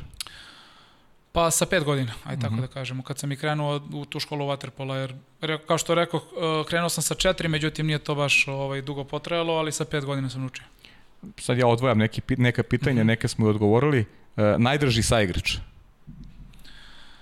Sava Ranđelović. Sava Ranđelović. Sportski moto? Uh, samo, uh, samo budi istrajan u onome što si zacrtao. E, najnezgodniji golman? Najnezgodniji golman. Ne fizički najnezgodniji, nego kome najteže daješ golove? ovaj, pa eto, ajde, sad bih rekao Gojko Pjetlović. Mm -hmm. Šalim, e, šalim se, to sam rekao, sad ću ti isprižati, zato što Ajde. kad sam ja igrao u Vojvodini, Gojko je bio u Zvezdi. Aha. I onda smo se eto stalno tako zezali da kad igramo jedan protiv drugog da da brojimo. Kad mu dam gol ili ne znam neko isključenje zarađeno i dat gol ali isključenje sa moje strane, da se to isto računa kao jedan bod isto. Uh -huh. A sve njegovo ono kad mi uzme loptu, kad uh, kad mi Odbrani. odbrani ili kad promaši je bod za njega. Ja sad imao 20 godina. I ovaj, eto tako smo to igrali i dugo nismo igrali jedan protiv drugog, ali nadam se da ćemo do godine imati priliku da... U, da Ligi, u Ligi šampiona? Tako je, tako je, da, ovaj, da se opet suprostimo jedan drugome. Uh, šalim se, to je bila anegdota, ali ne znam, uh, Bane Mitrović, Dani Pinedo, stvarno su golmani koji koji prate vaterpolo i, i, i studiraju te kao igrače, onda ti je teško, tako je, tako je, onda ti je teško nekad kad uh, igraš više puta uh, protiv njih da, da ti prođe neki šut recimo, trebaš da menjaš stalno. Uh -huh. Jelena ti pita šta ti najteže pada kod treninga, a koji ti je omiljeni deo treninga? Pa sad, znaš kako, kad sam bio mlađi, pa mi je, ne znam, teško padalo da radim noge, da, da plivam, uh -huh. ali sad stvarno mi ništa ne pada teško. Baš sam i uh, ove sezone, kad sam bio u Sabadelju, pa sam se družio i sa momcima iz Barcelonete i sa Mićem Aleksićem, i onda sam pričao baš jednom sa Felipeom Peroneom i, i, i kažem, ja ne znam kako ovim mlađima nešto teško pada, ja što sam stariji, to mi je sve lakše, i da treniram i da igram, ali stvarno je, mislim, ko to želi, stvarno je tako. Uh, mm -hmm. ti si tu, radiš tvoj posao, želiš da se usavršavaš, želiš da, da budeš bolji i ne, ne pada ti ništa teško. Mm -hmm. Tako da ne, ne bi ništa izdvojio. A kaži mi, imaš klub za koji bi volao da igraš u budućnosti? Ovo je to jeleno pitanje takođe. Pa dobro, evo, rekli smo Rekao. uh, pro Reko i to je to. To je to, a? Domaći ne.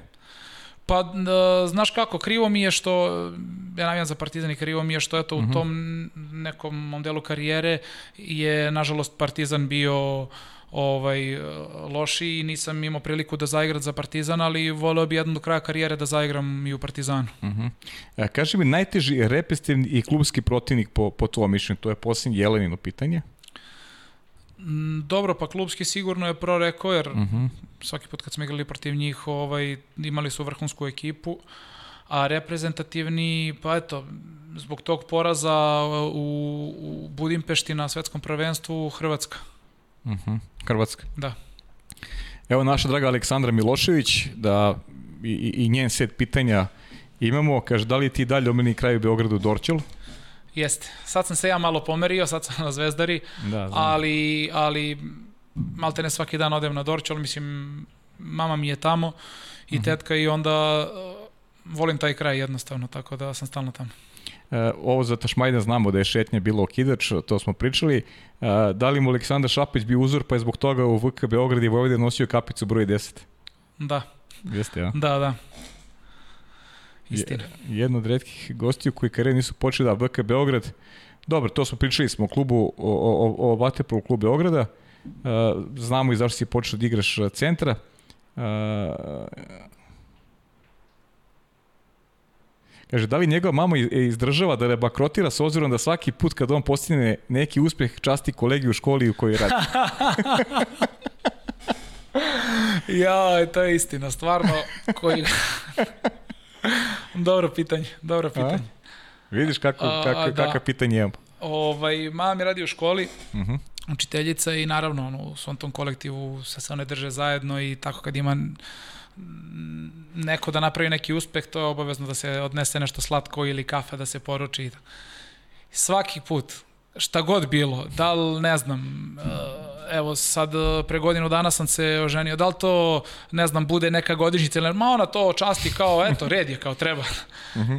Tako da, da, radi to i uvek je radila i mislim stvarno svaka je čast, ali nekad ja kažem mama daj preterano, nemoj to da radiš više, ne treba, neka kao ajde da samo da te isprati sreća, pa moram to da uradim tako. Sjajno. Veliki pozdrav za mamu, pozdrav, naravno. Da. E, da li mu i dalje prva asocijacija na bazen samo da je voda topla? Nije. Nije, a? Mislim, sad već ovako kako sam stariji, prva asocijacija mi je na bazen neki rad u bazenu i i napredak, kao što sam ti rekao, ali to je verovatno bilo pitanje kad sam imao 15 godina. Pa da.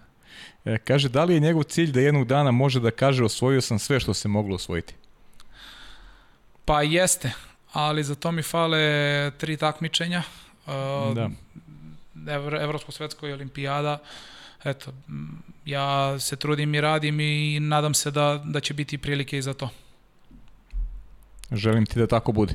E. Jako je Vaterpolu posveđen u šeste godine, nikada nije odustao od obrazovanja, što je za svaku pohvalu, kaže Aleksandar, diplomirao je na DIF-u, pa kako uspio da uskladi profesionalne obaveze i, ob i obrazovanje na državnom fakultetu, da li je velika želja za diplomom prevladala da uspe i istraje, iako su mnogi govorili da neće uspeti završi fakultet i uskladi se obaveze? O, ja moram da uh, pozdravim Aleksandru i svaka je čast stvarno na, na, na informacijama koje ovaj konstantno Aleksandri svaka čast i ona je zaista naš naj najbolji saradnik i i ovaj jednog dana će bi ovde uključiti da da je da je svi vide. Ali samo moram da dam jednu digresiju malu. Može. Uh, nije DIF nego je Singidunum. Singidunum. Da, okay. završio Singidunum, ovaj ali uh, krenuo sam redovno, međutim otišao sam za za Barcelonu. Nisam mogao da da pohađam redovno i prešao sam na vanredno, ali sam ga završio. Uh, imam afinitete da, da završim i višu trenersku, zato što, mislim, u sportu sam, evo, 25 godina, 26 i to je maltene ceo moj život. Uh mhm. -huh. I mislim da bi bilo bez veze da, pored uh, tolike karijere, nemam i diplomu, recimo, trenera. Uh -huh. A za mhm. dalje, za budućnost, uh, kako bude, vidjet ćemo. A sad ne znam da li ovo, sad ne znam, ti mi ispravi. Kada smo kod njegovog diplomskog rada, može li nam reći koliko su lojeni potrošači brenda Nike s obzirom na to da je to bila tema njegovog rada? Jeste, jeste. Bila mi je tema lojalnost potrošača na brand Nike. I? O Boga mi lojalni su. Su lojalni, a? Da, da. Ima i Nike dobru reklamu i, i, i dobar kvalitet, tako da je sve to uzemno. Eto, vidiš. Vidiš da Aleksandar je dobro informisan. Svaka čast. Čekaj, sad imamo još neke pitanja. Dobro, kakav je Sabadelj, to smo negde rekli kao grad, a mislim Prelep grad je čisto, jeste, da, jako sličan Breši. Uh, mislim ima baš puno Španaca koji gledaju da uh, da ajde tako kažem da beže u Sabadelj, da žive, da ne žive u Barseloni jer je uh, Barcelona postala onako pre, prenaseljena uh mhm. -huh. i to je stvarno jedna uh, lepa, le, lepa sredina za život, jako zdrava za odgajanje dece i nekako, baš sam pričao sa ženom i rekao sam mi, sad s obzirom da imam 30 godina da smo ovde, nekako se ne vidim ovde, ali za jedno 6-7 godina ako bi imao priliku da odigram ovde sezonu, najverovatnije bi gledao da ostanem ovde da živimo, zato što je uh, prvo je klima jako dobra, uh mhm. -huh. konstantno tokom cele godine je lepo vreme, uh, drugo zdrav je vazduh, namirnice su sve sveže, nema stresa i, i za neki normalan život je jako lepa sredina. Uh mhm. -huh. A kaži mi, pazi ovo, da li mu je pesma Veselja kod Ane Bekuti i dalje da. jedno od obiljenih? Da, da, da, da, da, da. Ti sad kad bi me pitao, ne bi mogao da ti kažem za neku pesmu koja mi je favorit, ali za Veseljak uvek. Ves, veseljak da, da. uvek. Pa zašto si po prirodi Veseljak ili prosto pa jesam, je pesma? A? Jesam, jesam. Da, ima čak i ovde nešto sam zaboravio, od neko te pita ovaj, kakav si sa, to sam zaboravio, da. Da li voliš kafanu, kafanu i koje pesme naručuješ? Slabo naručujem pesme, Slabo iskreno. Slabo naručuješ pesme, a? Ali volim da ih pevam. Da, e pa dobro. Pogotovo kad odmakne malo noći. Da sam znao, da sam znao snimali podcast noću, ali Eto. dobro, aj drugi put. Da li bi dalje trubači bile jedna od stvari koji bi ponovo, ponovo na pustu ostrvo, s obzirom da je jednom priliku na pitanje šta bi ponovo na pustu ostrvo rekao je najbolje prijatelje, mnogo hrane i trubače. Apropo priče o, o veselju. da, da, da. pa jest, mislim, uh, pričali smo malo pre, uh mhm. -huh. jako dugo sam u inostranstvu, deveta godina. I nikad mi se nije desilo da od recimo š, od 9 meseci 6 budem u inostranstvu, ali nažalost sad zbog korone tako je bilo i e, skapirao sam da mi jako fali porodica i prijatelji. E, tamo smo žena i ja bili odvojeni, uh mhm. -huh. falilo nam je to. Tako da definitivno prijatelje i hranu, ali naravno stoji da ide muzika. Uh -huh. Ne mhm. može bez toga. Ne može, ne ide, stvarno. Ne ide. Uh, slažem se s tobom, delim ovaj, ovaj stav. Uh, da li mu je brzopetost i dalje najveće mani, da li ga je često koštalo u životu? Da, koštalo me puno puta. Mislim, uh, u sportu me koštalo dosta puta. Uh mhm. -huh. Mislim da sam se malo ovaj, uh, smirio, da ne reagujem na prvu, ali mislim to je sve normalno i proces nekog odrastanja, jel, kad si, kad si mlađi i misliš da, da si najpametniji, da znaš sve, da ćeš ti ovo, da ćeš ti ono, ali u stvari treba malo stati na loptu. Da. Da li je budi srećen i ono što jesi najdragoceniji savjet koji je dobio i da li je to ono što bi posavjetao mlade ili s ove distancije ima još nešto? Mm, jeste, posavetovao bih, zato što, evo ovako, ja kad sam otišao u Barcelonetu prve godine sam naučio od, od Španaca da je najbitnije šta god radiš u životu, najbitnije je da budeš srećan. Da li, ne znam, da li se baviš sportom ili nekom drugom, ali kad te pitaju jao kako ti je na poslu, jao super mi je, baš sam srećan što sam tamo i onda skapiraš da je u stvari to. Mhm. Mm Jer realno bez sreće džaba sve. Da, jeste, bukvalno je tako. E, Mali Kalimero pita, kaže, kako je kum Strahinja? A, pa ne znam, dobro je, na pripremama je, vidjet ću ga sad za vikend, pa ćemo da je javimo. Dobro, aj Vanja, pušte ovaj, ovaj, ovaj posljednji video. Kume, pozdrav za sve u studiju. Ubo, imam dva pitanja za tebe. Prvo je, da li si ikada razmišljao da se možda jednog dana vratiš u svoj matični klub, ako to možda nam otkriješ? I drugo pitanje je, ako možda mi kažeš zašto mi se ne javljaš kada moj klub pobedi u futbolu ili košarci, nebitno, kada je neki derbi u pitanju, kada te zovem posle utekmice u ugasiš telefon. Ćao. Eto Dobro kum. pitanje. Dobro, Dobro pitanje. pitanje, ajde. Ovaj, pa, vratio bi se u matični klub, uh, ako ne kao, kao igrač, možda da, eto, u nekoj budućnosti da probamo da ga vratimo to je kad sam rekao sada probamo da ga vratimo, postoji ta grupa momaka koja je ponikla u Vatrpologu u Beogradu, kao što sam ti rekao, uh, oni su prekinuli sa sportom i bave s nekim drugim stvarima i imaju želju da, da Vaterpolo klub Beograd opet da se vrati na staze stare slave i ukoliko to bude bila mogućnost, uh, učestvovaću u tome. A ovo što mu se ne javljam, A izmišljam. izmišljam. Imamo grupu neku, nas Aha. četvorica, petorica, gde smo Dimitri i ja partizanovci protiv njega, uh, njega Viktora i, i Save. I naravno da je to rivalitet Zvezda Partizan verovatno. E, Vanja, možemo da vidimo samo ove slike. Mislim da ih nismo videli ove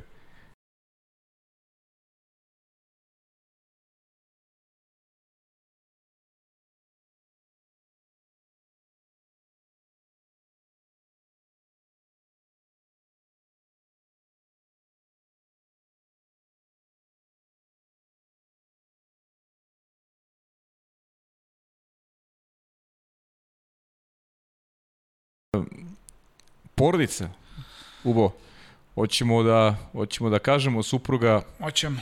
Ajde. E, prošle godine ovaj, sam se oženio, dete je Mhm. na putu, evo sad bi trebalo kroz mesec dana da, da se porodimo žena. Sve kako treba, imali smo jako lepu godinu u Sabadelju, to moram da istaknem, van, van sporta. I tako, guramo napred. Da. Neki sa srećom i Hvala. ovaj, obavezno da nam javiš informaciju kada kada ovaj Proslavit ću. kada stigne da proslimo, da, da to proslimo obavezno.